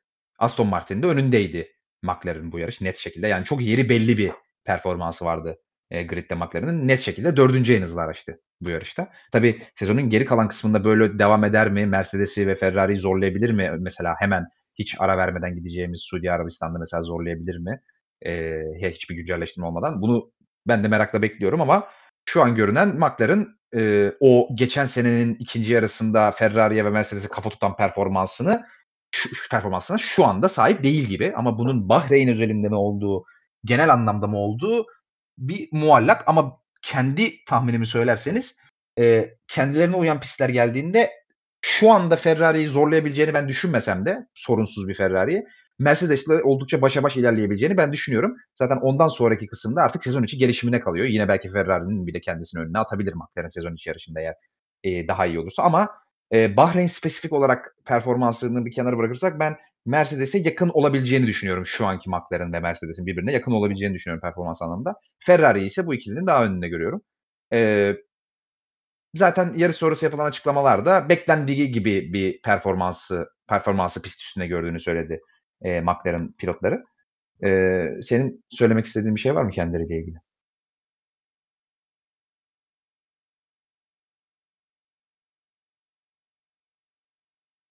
Koray? Eee, abi galiba benim bir senin sesin gitti. Benim galiba bir internetim kesildi de son cümleni bir tekrar eder misin? Eee, dedim ki yani McLaren'la ilgili hani 4'üncü en hızlı araç gibi gözüküyorlar. Eee, ben Mercedes'e Bahreyn onların sevmediği pist olduğu için sezon sezonun şu ilk kısmında Mercedes'le kafa kafaya bir tempoyu yakalayabileceklerini düşünüyorum ama Ferrari'den geride olduklarını net şekilde pist Bahreyn olmasa bile geride olduklarını düşünüyorum dedim. Senin, eee, ki pilotlar da benzer açıklamalar yaptı dedim. Sen McLaren'la ilgili söylemek istediğin bir şey var mı? Hani bir yorumun var mı? Onu sormuştum. Abi öncelikle gelişim marjı olarak ben burada en dezavantajlı takımın McLaren olduğunu düşünüyorum. İlk başta onu söyleyeyim. Ya, tabii ki, yani, sezon içinde, eee, gelişim durumları vs. işte Mercedes'in yaşadığı sorunlar ya tabii ki, eee, sıralama değişebilir ama ya, bu buradaki bence ya Aston Martin'i dâhil edersek bu bu grubun bence en dezavantajlı takımı. Ya, ben, eee, Ferrari'ye yaklaşabileceklerini açıkçası düşünmüyorum. Çünkü, eee, testlerde de aynı şeyi söyledim. Ya, bu hafta sonu aynı şeyi söylüyorum. Özellikle Aston Martin, Mercedes ve McLaren'ın ya, ben sezon boyunca çok fazla birbirinden ayrılacağını düşünmüyorum özellikle araç temposu olarak. Ama ya, her hafta, işte, ba bazı yarışların değişebileceği, eee, yarıştan yarışa performansların değişebileceği, işte, geçen sene gördüğümüz gibi. Eee, ben bu durumun yine devam edeceğini ama dediğim gibi, işte, Mercedes bu konuda bence biraz avantajlı hız olarak. Ya, Merce McLaren'ın buraya çok fazla bence özellikle Mercedes tarafına ayak uyduracağını ben zannetmiyorum. Onun için, eee, senin dediğin gibi ya 4'üncü sıra şu an McLaren için daha uygun görünüyor. Çünkü, emm, yani, bu yarışta çok fazla göze çarpmadı ama, eee, hâlâ dayanıklılık konusunda McLaren'da şüpheler var. Üstüne, eee, aracın arka tarafında hâlâ sorun yaşamaya. Çünkü burası, eee, özellikle çekiş, eee, için ya çok fazla ya çekiş olarak çok iyi olmanız gereken bir pist McLaren'ın aslında burada biraz sorun yaşayan bir takım olduğunu bence bu pistte, eee, biraz gördük. Ya, çünkü zaten onlara uygun olmayan bir pist vs. ama, eee, özellikle bu konuda, eee, diğer takımlara göre biraz da sorun yaşıyorlar gibi görünüyor. Zaten aracın, eee, arkasında zaten McLaren'ın şu ana kadar asıl problemlerinin olduğunu biliyoruz. Ya, denge problemlerini asıl orada yaşıyorlar ve doğal olarak bu, eee, diğer takımlara nazaran nazaran özellikle çekiş bölümünde hâlâ, eee, geride olduklarını gördük bence ilk yarış özelinde. Eee, onun için ya, yarışta da bu arada şey, eee, özellikle ben Pi Pi Piastri'ye değinmek istiyorum. Ya geçen sene zaten tek turda fena değil gibi görünüyordu. Yarış temposunda işte çok çok daha iyi gelişmesi gerekiyordu. E, lastikler konusunda özellikle lastikleri yönetme konusunda çok büyük problemleri olduğunu söylüyorduk özellikle Piastri'nin. Ya ilk yarış üzerinde bence o kadar kötü görünmedi Piastri. Çünkü e, onu geç pit aldılar ve özellikle e, Hamilton markasına düşmesinin büyük nedenlerinden biri galiba oydu yani. Mesela çünkü bir tur e, geç zaten McLaren da bununla ilgili bir açıklama yapmıştı. E, Piastri konusunda yanlış strateji yaptık dedi. Hani bir tur geç e, pite aldıklarını söylemişti. E, ya ikilinin performansı tabii özellikle Mercedes'le mücadele için çok kritik olacak tabii ama ya Piastri en azından ilk görüntü olarak ya çok çok kötü bir e, yani özellikle yarış temposu olarak çok çok kötü görünmedi bence Piastri özellikle geçen seneye nazaran. Ee, özellikle hani tempo olarak derken hani, ya tabii ki Norris kadar hızlandı vesaire ya da onunla mücadele edebilecek konuma geldi tabii ki demiyorum ama özellikle geçen sene lastikleri neredeyse hiç koruyamazken ya bu sene en azından bu yarış üzerinde bunu daha iyi idare ettiğini gördüm. için ekstra bir piyasaya değinmek istedim burada. Ee, teşekkür ederim. Sen e, Mercedes, Aston Martin ve e, McLaren'ın birbirine sezon boyunca tempo anlamında çok yakın gidebileceğini düşünüyorsun ama benim hem Aston Martin'e de geçmişken bu konuda da bir e, farklı düşündüğümü söyleyeyim. Bence Aston Martin net şekilde şu anda bu ikiliden geride. E, sıralamayı bir kenara bırakıyorum. Sıralamada herkes birbirine çok yakın zaten ama yarış temposu anlamında bence kesinlikle bu ikiliden geride. Yani şu an bir hani power ranking yapmak gerekirse Red Bull, Red Bull'un iki tık arkasında Ferrari, onların bir buçuk, bir, bir buçuk tık arkasında Mercedes, Mac, Mercedes ya da hadi tamam Mercedes McLaren diyeyim. Onların da bir, bir buçuk tık arkasında Aston Martin gibi görüyorum ben. Ee, bence zaten ki Alonso'nun da sıralamalardan sonra çok şaşırdığını e, onu söylemeyi unuttum. Kendisi de çok şaşırdı. Yani nasıl bu kadar iyi bir performans elde ettik hiç beklemiyordum dedi. Ama yarışta biraz daha beklediği yere gelmiş oldu aslında. E, ben Aston Martin'i biraz daha onlardan ayırıyorum ama e, onları da konuşmak gerekirse yani e, biraz böyle vasat bir araçmış gibi görünüyor Aston Martin. Yani he, herhangi bir şeyi iyi yapabiliyormuş gibi görünmediler. Tabii ki her seferinde aynı şeyi tekrarlamak istemiyorum. Sadece ilk yarışı izledik ama hani bir göz testi vardır sonuçta. Bir de tur zamanlarını görüyorsunuz. Hani bir, bir, bir vasatlık var gibi bir araçta. Yani e, geçen sene bitirdikleri yerden de bir tık gerilemiş gibi göründüler bana. Tamamen rakiplerle olan performans kıyası anlamında söylüyorum bunu. Hani geçen sene zaten Ferrari, McLaren ve Mercedes'in gerisinde bitirmişlerdi sezonu. Biraz daha gerilemişler gibi bu üç takımdan görünüyor ve tabii ki Red Bull'dan.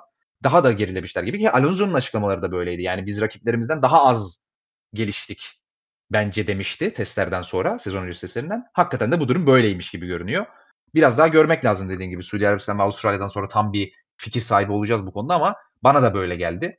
Ee, yani nereye giderler? Hani ekip bu bu dörtlüyle kapışabilmek için yeterli bir ekip mi? Eee, bu off season'da da çok ciddi bir ekleme de yapamadılar. Geçen sezon yaptıkları flash transferler gibi eklemeler de yapamadılar zaten Aston Martin ekibi. Eee, ve o, eee, hani 2023'ün başında çıkarmış oldukları araba yani tam bir sene önce çıkarmış oldukları arabadan bu yana da hem gelişim sezon içi gelişiminde hem de 2024 araçları konusunda e, bu dörtlüye hiçbir şekilde cevap verememiş gibi görünüyorlar. E, en azından ilk izlenimlerde. E, sen ne demek istersin Aston Martin'le ilgili fikirlerin neler senin?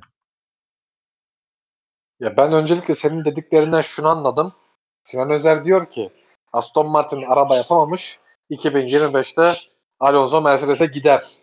Ben bunu anladım senin dediklerinden. Alonso Red Bull'a gider belki. evet. Abi bu arada Aston Martin'in sezon genelinde baktığımızda 5. araç olacağına katılıyorum. Çünkü e, ya şöyle yani sezon sonu sıralamaya baktığımızda 5. olacak takım olarak görüyorum ben de Aston Martin'i. Buradaki en büyük dezavantaj senin dediğin gibi evet diğer takımlara göre üstüne daha fazla koyamamışlar. Tek turda çok fazla sıkıntılar yok ama ya yarış temposunda ya diğer takımlara göre daha iyi lastik e, koruma durumları olsa bile hani bunu bir avantaja dönüştüremiyorlar. E, Aston Martin'de bunu gördük ve bu doğal olarak bir e, saf hız eksikliğinden de bahsedebiliriz burada en azından yarış temposunda.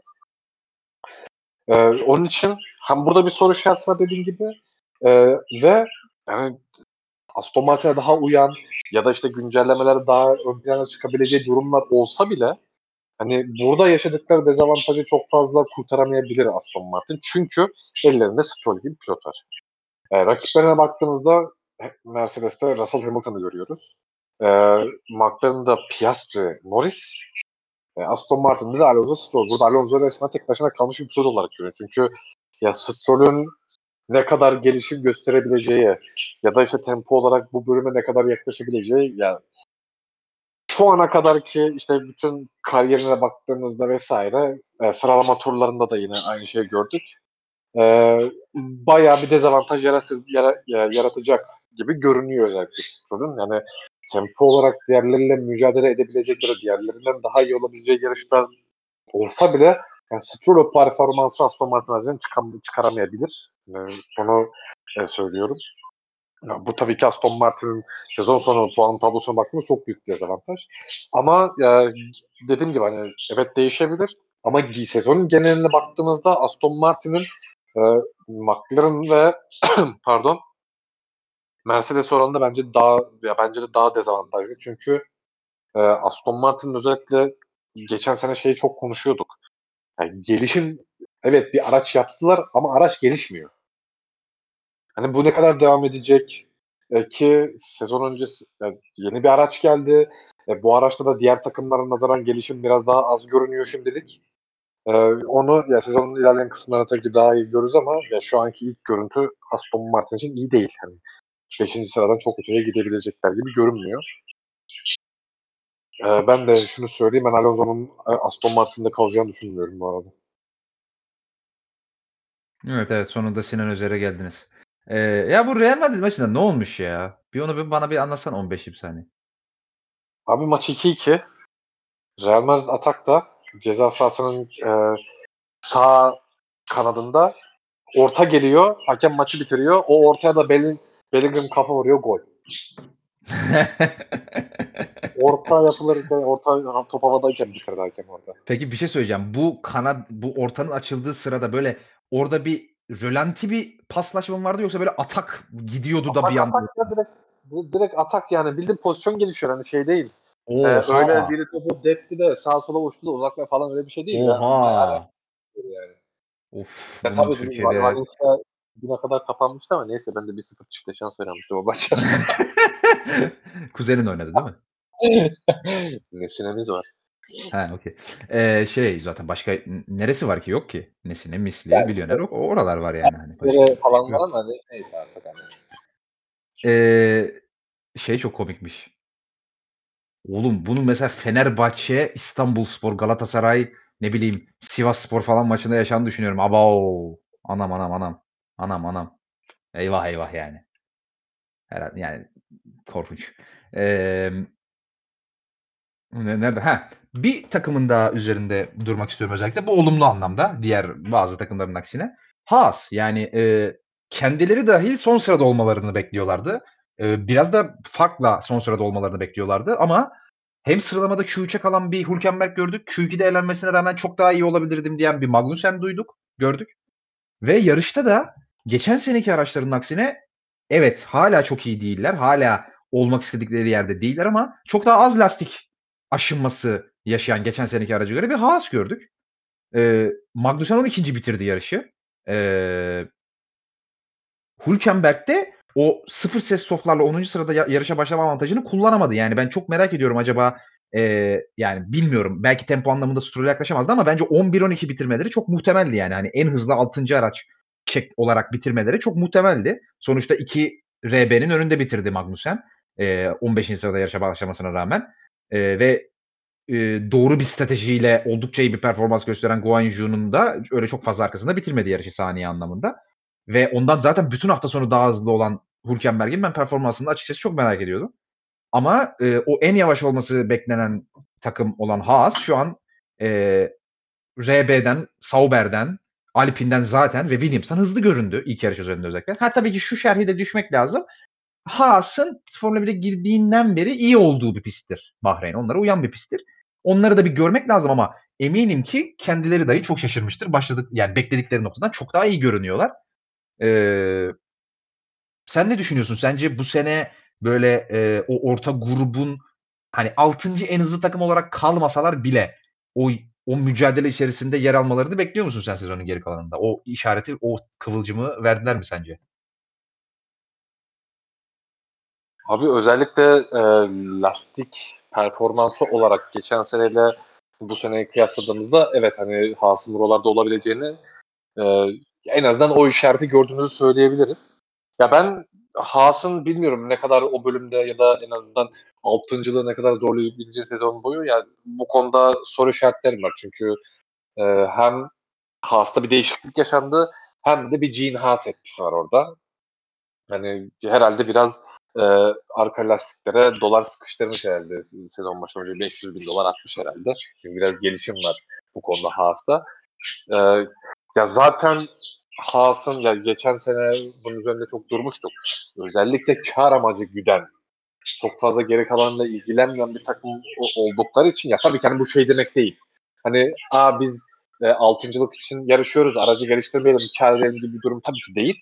Ama e, bu konuda Haas'ın ben dezavantajlı olacağını düşünüyorum. Çünkü Haas'ın yani avantajlı olduğu zaten tek konu bence burada Ferrari motoru.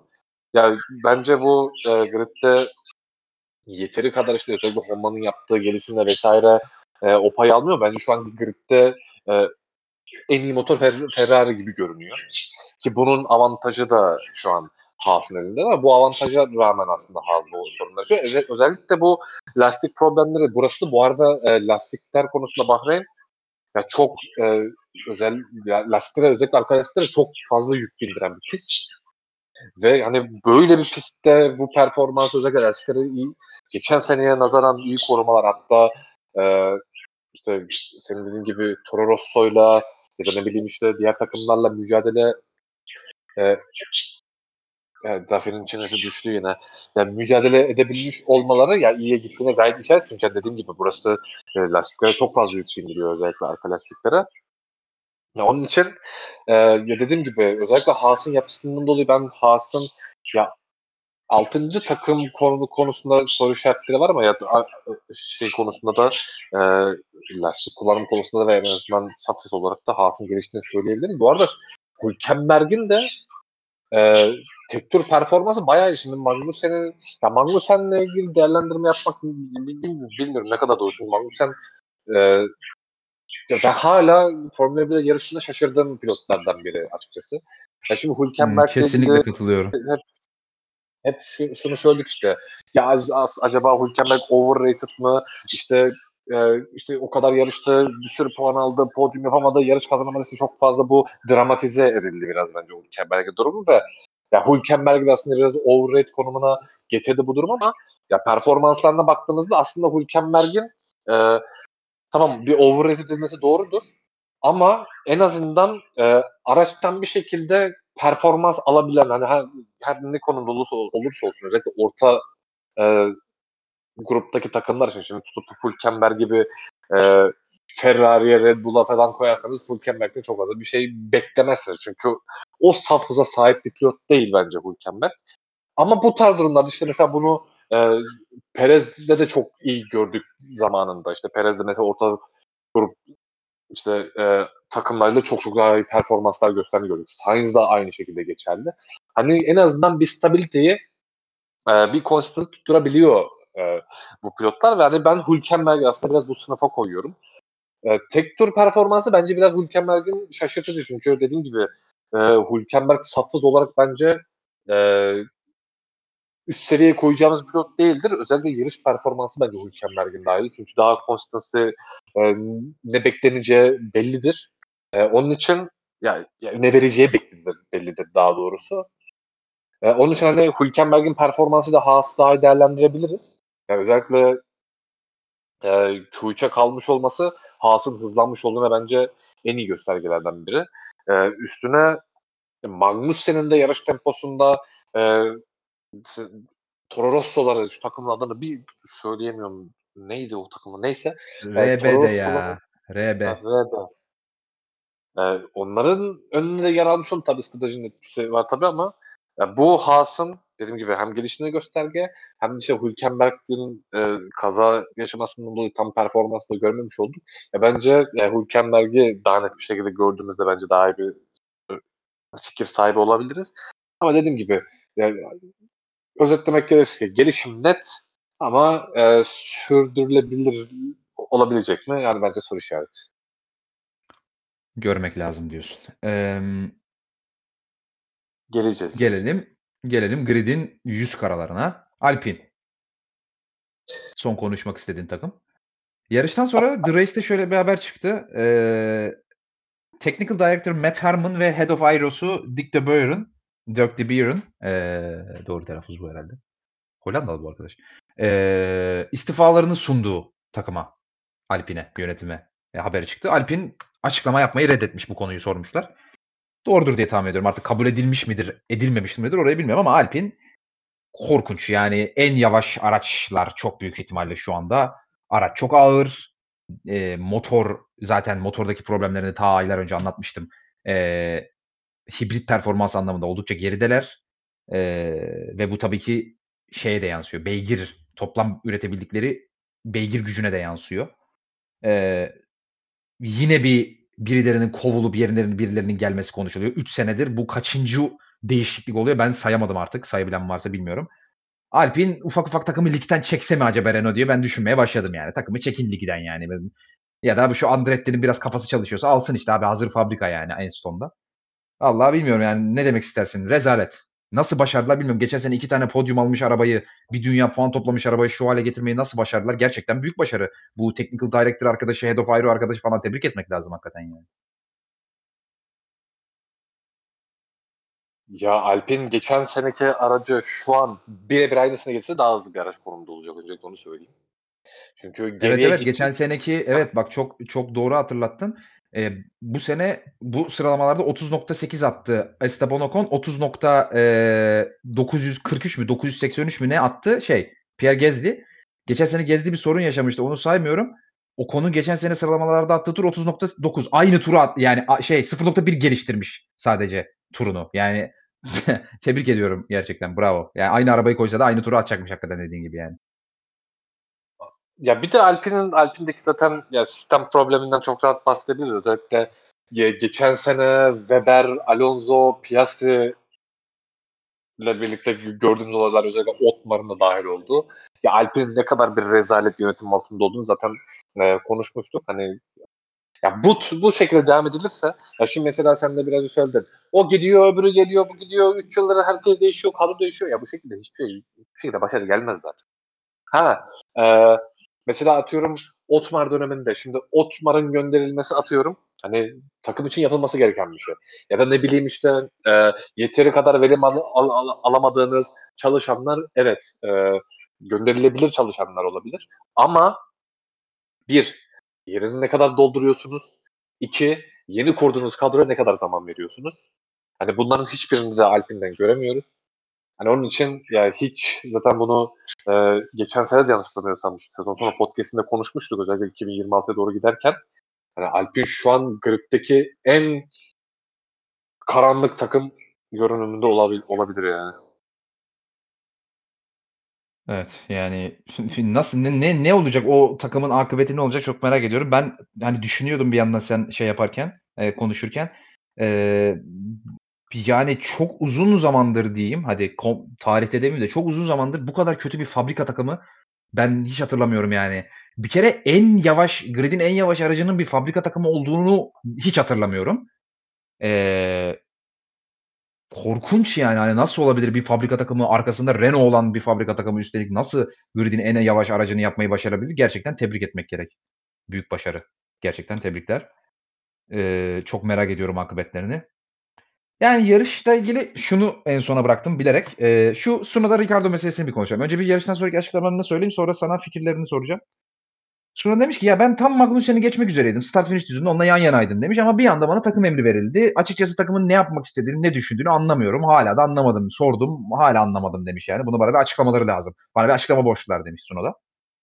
Ricardo demiş ki yarıştan önce biz bu durumu konuştuk ve benim yarışa sıfır set softlarla başlayıp yine son stintte de sıfır set soft lastiklere geçip agresif bir son stint atacağım belliydi. Benim böyle bir stratejim vardı. Ki yarışta da böyle oldu zaten demiş. O yüzden demiş zaten eğer Sunoda yani takım arkadaşı benim önüm takım arkadaşım benim önümde olursa benim o agresif stintim sebebiyle bana yer vermesi konuşulan bir şeydi. Beklenmeyen bir şey değildi demiş. Zaten demiş puan barajında değildik. 13. ve 14. sıradaydık. Kaybedeceğimiz bir şey yoktu. O yüzden hani geçmeme bir izin ver bakalım ben bir şeyler yapabilir miyim mantalitesiyle hareket etmek istedim ben demiş. E, 13. ve 14. veya 13. veya 14. bitirmeyi umursayan bir pilot olduğunda sanmıyorum gridde demiş. O yüzden ben, takım bana deseydi ki eğer start finish çizgisine gelmeden önce Sunoda'ya yerini geri ver deseydi bunu yapardım. Çünkü benim için hiçbir anlam ifade etmiyor 13. veya 14. olmak demiş. Puan alamıyorsak ne önemi var ki demiş. Şimdi okey çok güzel. Ricardo çok güzel konuşuyorsun kardeşim de. Ee, öyle bir anlatmış ki ya ne olacak ki sanki. Ya yani ben Ricardo seven bir insan değilim. Bunu podcastleri dinleyen herkes biliyordur zaten. Ee, ve hala özellikle McLaren'da Norris onu kepaze ettikten sonra bu tabiri kullandığım için kimse kusura bakmasın ama başka bir tabir bulamıyorum yani.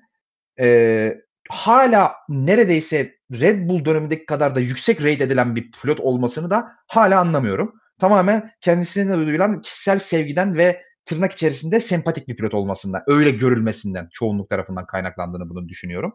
Yani geçen sene e, Alfa Tauri'ye geri geldiğindeki tepkileri hatırlıyorum da millet bayram etmişti yani.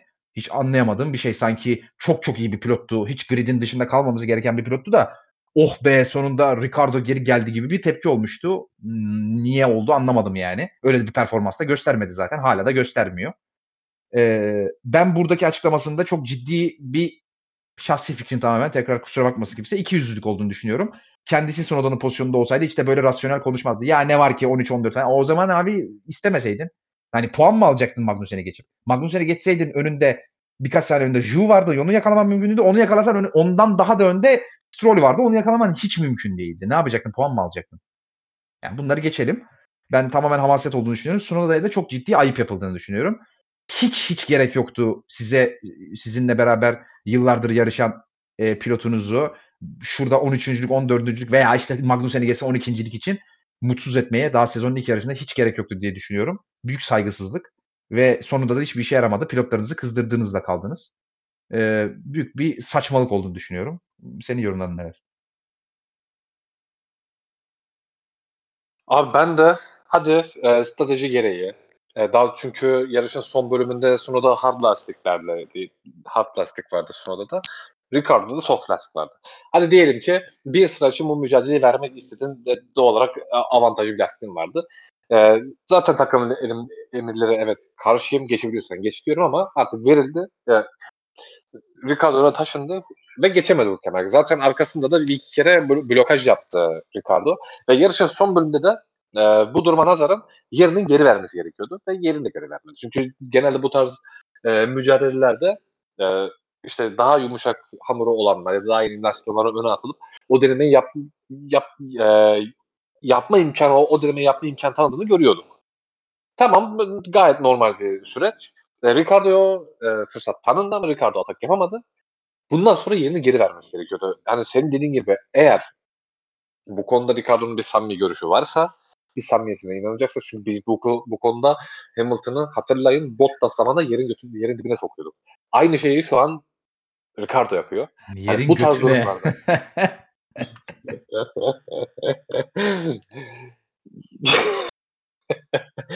Onun için ya bu tarz durumlarda evet bir trafik var ama yani o kadar da hani biraz en azından şey belli olmuştu. Hani Ricardo'nun yer, Ricardo'nun samimiyeti burada samimiyetine inanacaksak Ricardo'nun yerini geri vermesi gerekiyor odaya. Burada bu arada ben şöyle bir durum olduğunu düşünüyorum. Yani çünkü ikisi de normalde işte takım arkadaşlar arasında böyle anlaşmazlıkları vesaire e, bu tarz durumları görürüz ama ya bunun en azından takımın dışına yansıdığını çok fazla görmeyiz ya çok nadir görürüz.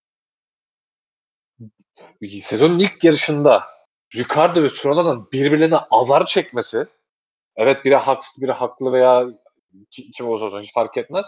Yani bu burada büyük bir soruna işaret bence. E, çünkü o da şöyle, onun nedeni de şu bence.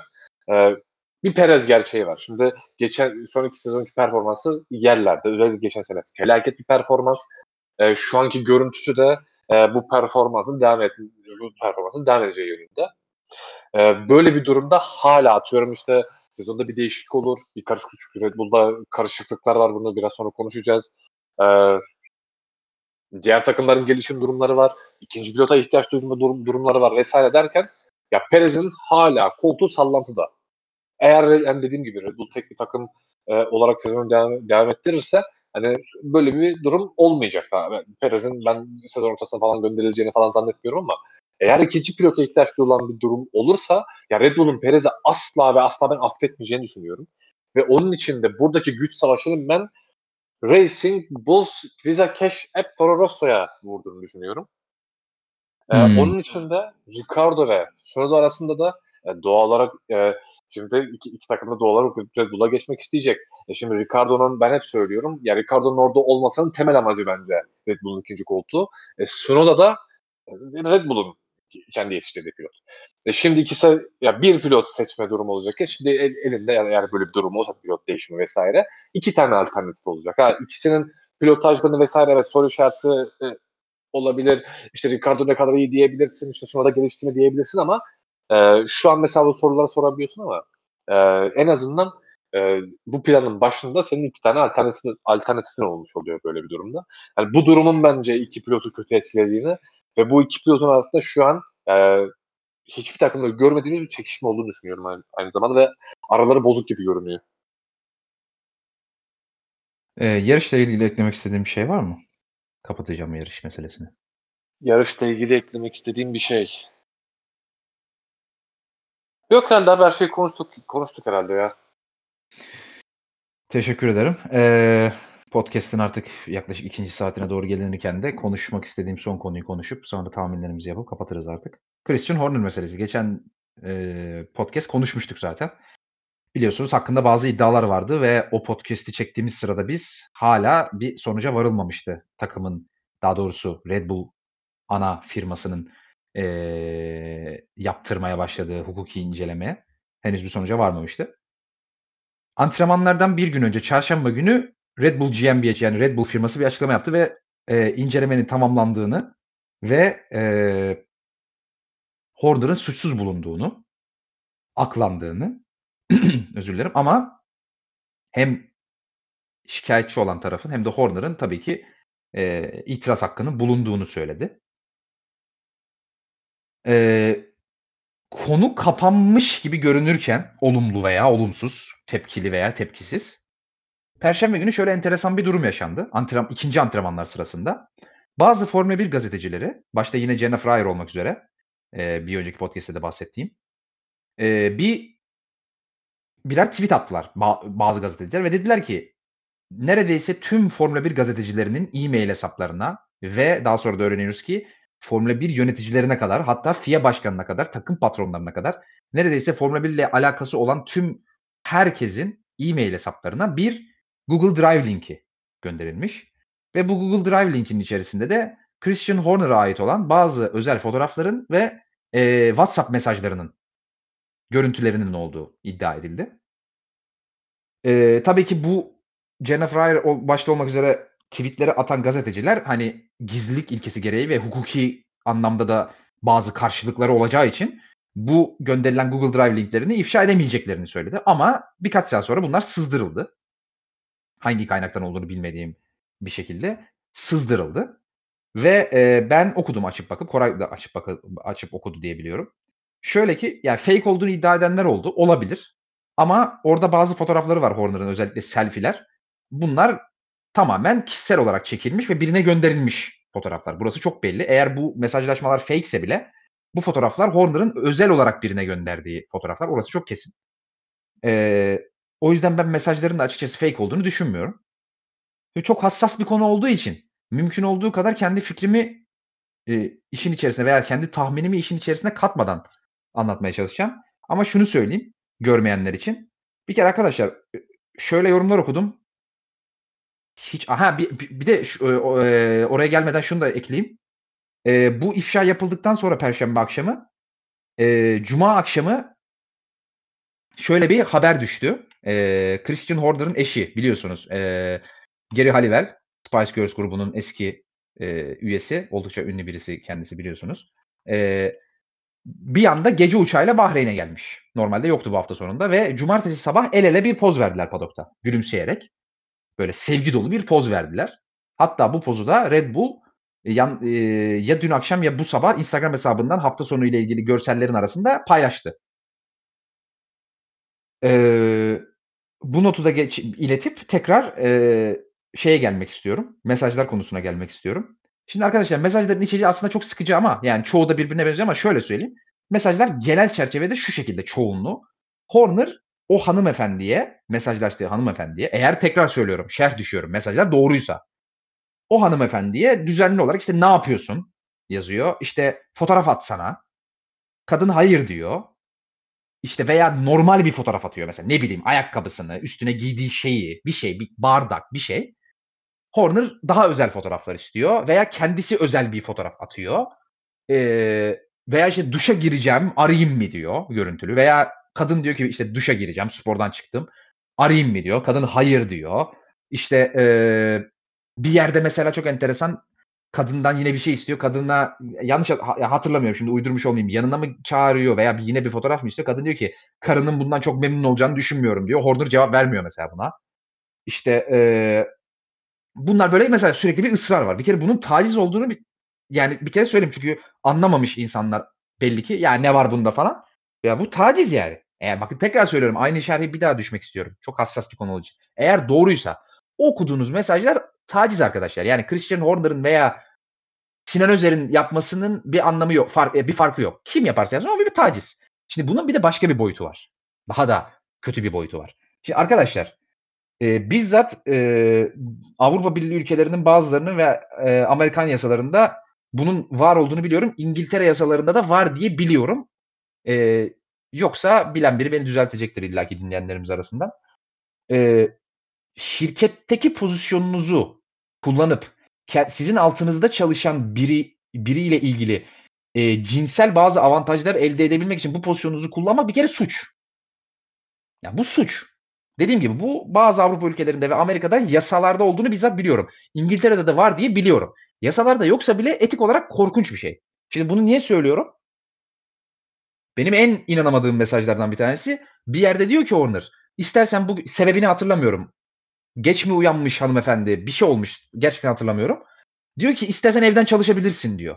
O da diyor ki niye böyle bir şey teklif ediyorsun? Sen diyor evden çalışmaktan nefret edersin diyor. İnsanların evden çalışmasından nefret edersin diyor Horner'a. Horner da diyor ki ee, yani işte hani istersen dedim diyor. Şimdi bu direkt mesela bu tekrar söylüyorum yani korkunç bir şey. Hani pozisyonunu kullanarak cinsel avantajlar elde etmeye çalışıyor kadına. İkna çabası tamamen. Ya bu istismar zaten bir kere. Başlı başına sadece bu bir cinsel istismar. Tekrar tekrar aynı şeyi söylüyorum eğer gerçekse bunlar. Horner'ın da bu ifşa ile ilgili açıklamasını söyleyeyim. Daha önce yaptığı açıklamayı yineledi. İşte herhangi ne hangi kaynaktan yapıldığını bilmediğim bir gönderiyle ilgili yorum yapmak istemiyorum. Yine söylüyorum iddiaları reddediyorum dedi. Yani şimdi yani ısrarla çok hassas bir mesele olduğu için kendi yorumumu katmak istemediğimi söylüyorum ama şimdi bir, bir yerden sizinle ilgili yalan bir ifşa yapılsa böyle açıklama yapmazsınız arkadaşlar. Yani o değil sizinle ilgili söylenen bir yalana karşı vereceğiniz cevap dili değil. Değil yani. Kimse kusura bakmasın. Ben böyle düşünüyorum en azından. Ee, yani Red Bull'un bu kararı verirken bu mesajlara erişimi var mıydı yok muydu çok merak ediyorum. Çünkü bırakın Red Bull gibi Red Bull ölçeğinde bir şirketi çok daha ufak ölçekli bir şirkette bile bir yönetici pozisyonunda bulunan bir insanın CEO bile olsa ki Chris Jordan aynı zamanda Red Bull takımının CEO'su biliyorsunuz. Sadece takım patronu değil. Gözünün yaşına bakılmaz kendi pozisyonunu kullanıp e, hem iş anlamında e, birine avantajlar vermeyi teklif etmesi hem de bu pozisyonu kullanıp kendisi bir cinsel anlamda bir avantaj elde etmeye çalışması hiçbir şirkette kabul edilemez. Direkt e, ilişki kesilir yani.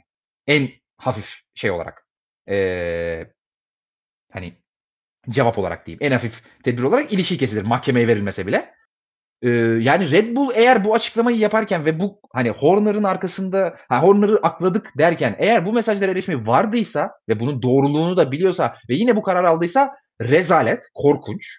Yani bizim günlerdir, haftalardır okuduğumuz ama benim bir önceki podcast'te tamamen spekülasyon olduğu için dile getirmek istemediğim bir konu var.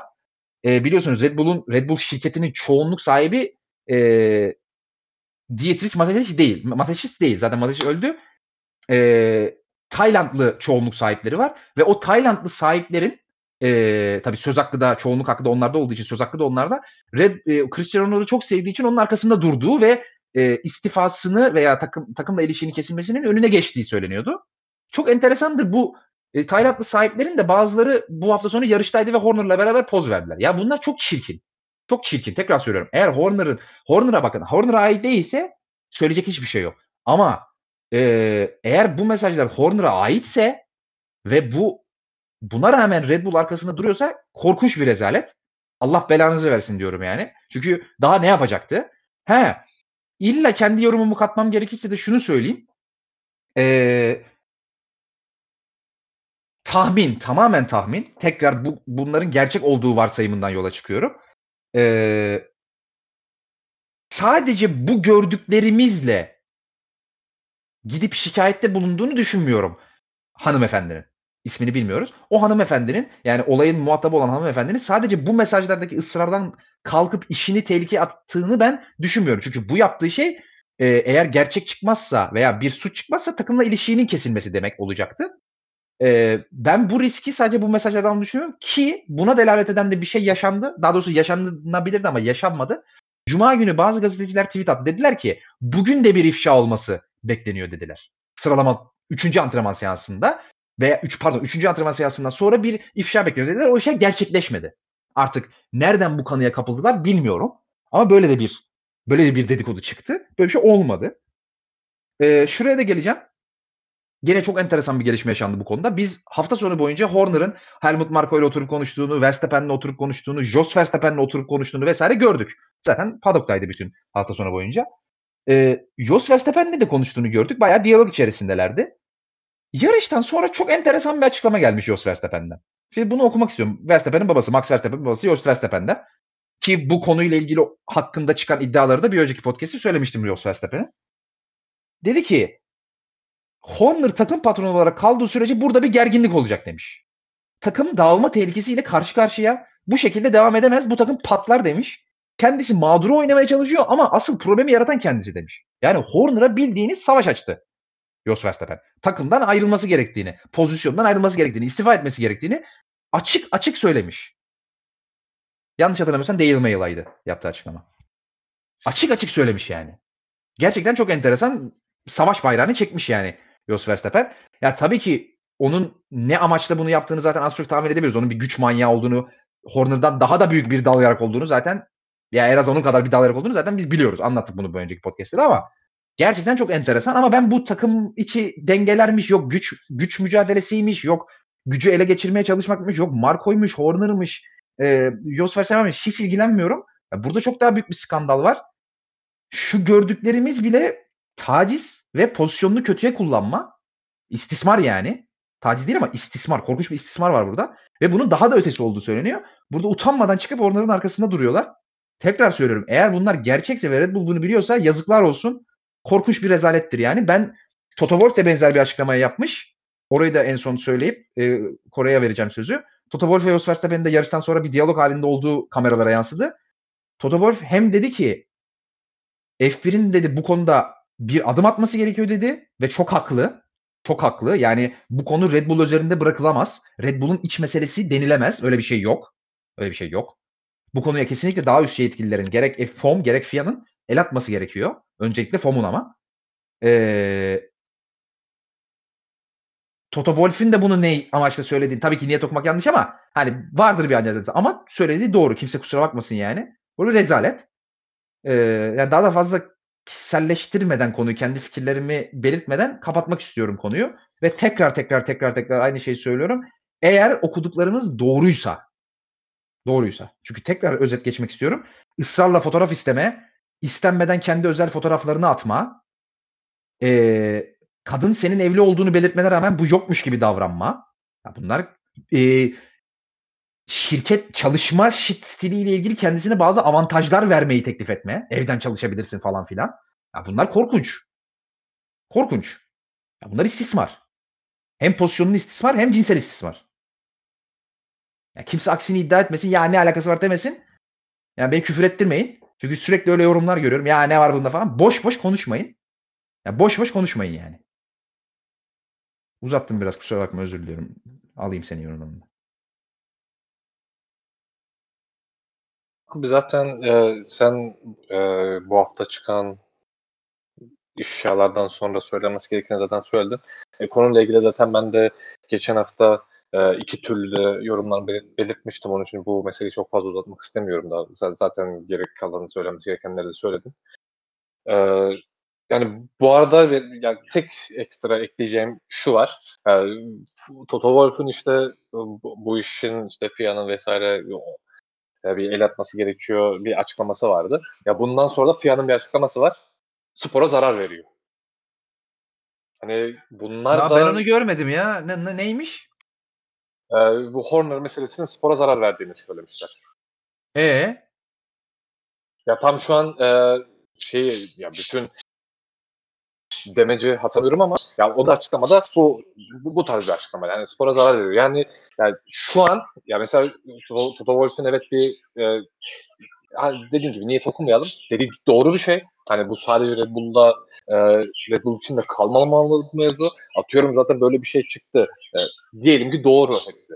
Ya bu sadece bir yaptırım olacak ve şu anki görüntü bu sadece bir kere Red Bull'la ya bir yaptırım sadece Red Bull içinde kalmayacak. Bu tamamen dedi, yani geçen hafta da konuştuk. Yani bütün Formula 1'i kapsamalı bu yaptırım. Üstüne e, bu çıkan mesajlar, işte aklanma durumu vesaire. E, Red Bull'un da aynı zamanda şu an suçlu durumuna düştüğünü görüyoruz. Ve ya FIA'nın yaptığı açıklamada ya şimdi e, ben tekrar ona bakacağım. Ya dediğim gibi ben bu meseleyi daha fazla uzatmak istemiyorum. Hani zaten söyleye, söyleyecekleri, söylenmesi gerekenleri sen zaten tamamladın bugün. Yani onun için e, ya Josh Verstappen'in özellikle basarak ya aşağı durumu hani çünkü iyi olabilir çünkü geçen hafta bir şey şöyle ilk başta e, spekülasyona çıkmaya başladı da Hollanda basınından çıktı. Ve şimdi George Verstappen'in de ya zaten aralarının bozuk olduğu söyleniyordu. E, üstüne şimdi daha fazla daha agresif bir tavırla demeç vermesi ya bir, olabilir olmayabilir bilmiyorum ama bu konuyla ilgili bence biraz daha fikir e, veriyor. Üstüne e, bu çıkan mesajlar doğrudur yanlıştır. Şu an tabii ki bir, e, en azından kanıtsal olarak bir bilgimiz yok ama e, bunun üstüne de söylediğimiz daha, daha işte cinsel içerikli fotoğraflar. Çünkü e, bu e, sızıntılar olduktan sonra işte e, Motorsport.com'un şu an Türkiye'deki sahibi işte Cihangir Perperik attı. Ne bileyim işte e, diğer orada bulunan Formula 1 muhabirleri attı. Bunların hepsi hani gördüğünüz şeyler çok çok kötü. Hani bu sizin gördüğünüz şeyler çok çok daha kötü şeyler, dinsel şeylerin olduğuna dair. Ee, ama paylaşılamadığını vesaire söylemişlerdi. Hani e, dediğim gibi e, yani iki tarafı zaten ben hatta fikirlerimi söylerken iki tarafı söyledim. E, bugün zaten ekstra söylemesi gerekenleri sen de söyledin. Yani çok iyi yere gitmiyoruz ama hani eğer doğruysa hani bunun dediğim gibi asla bir savunulacak bir yer ya ne var bunda senin dediğin gibi asla böyle bir şey söylenemez. Hani taciz. Ve ya bu durumda şimdi şundan da bu arada bahsetmek istiyorum. Şimdi Horner ne yaptığını biliyor.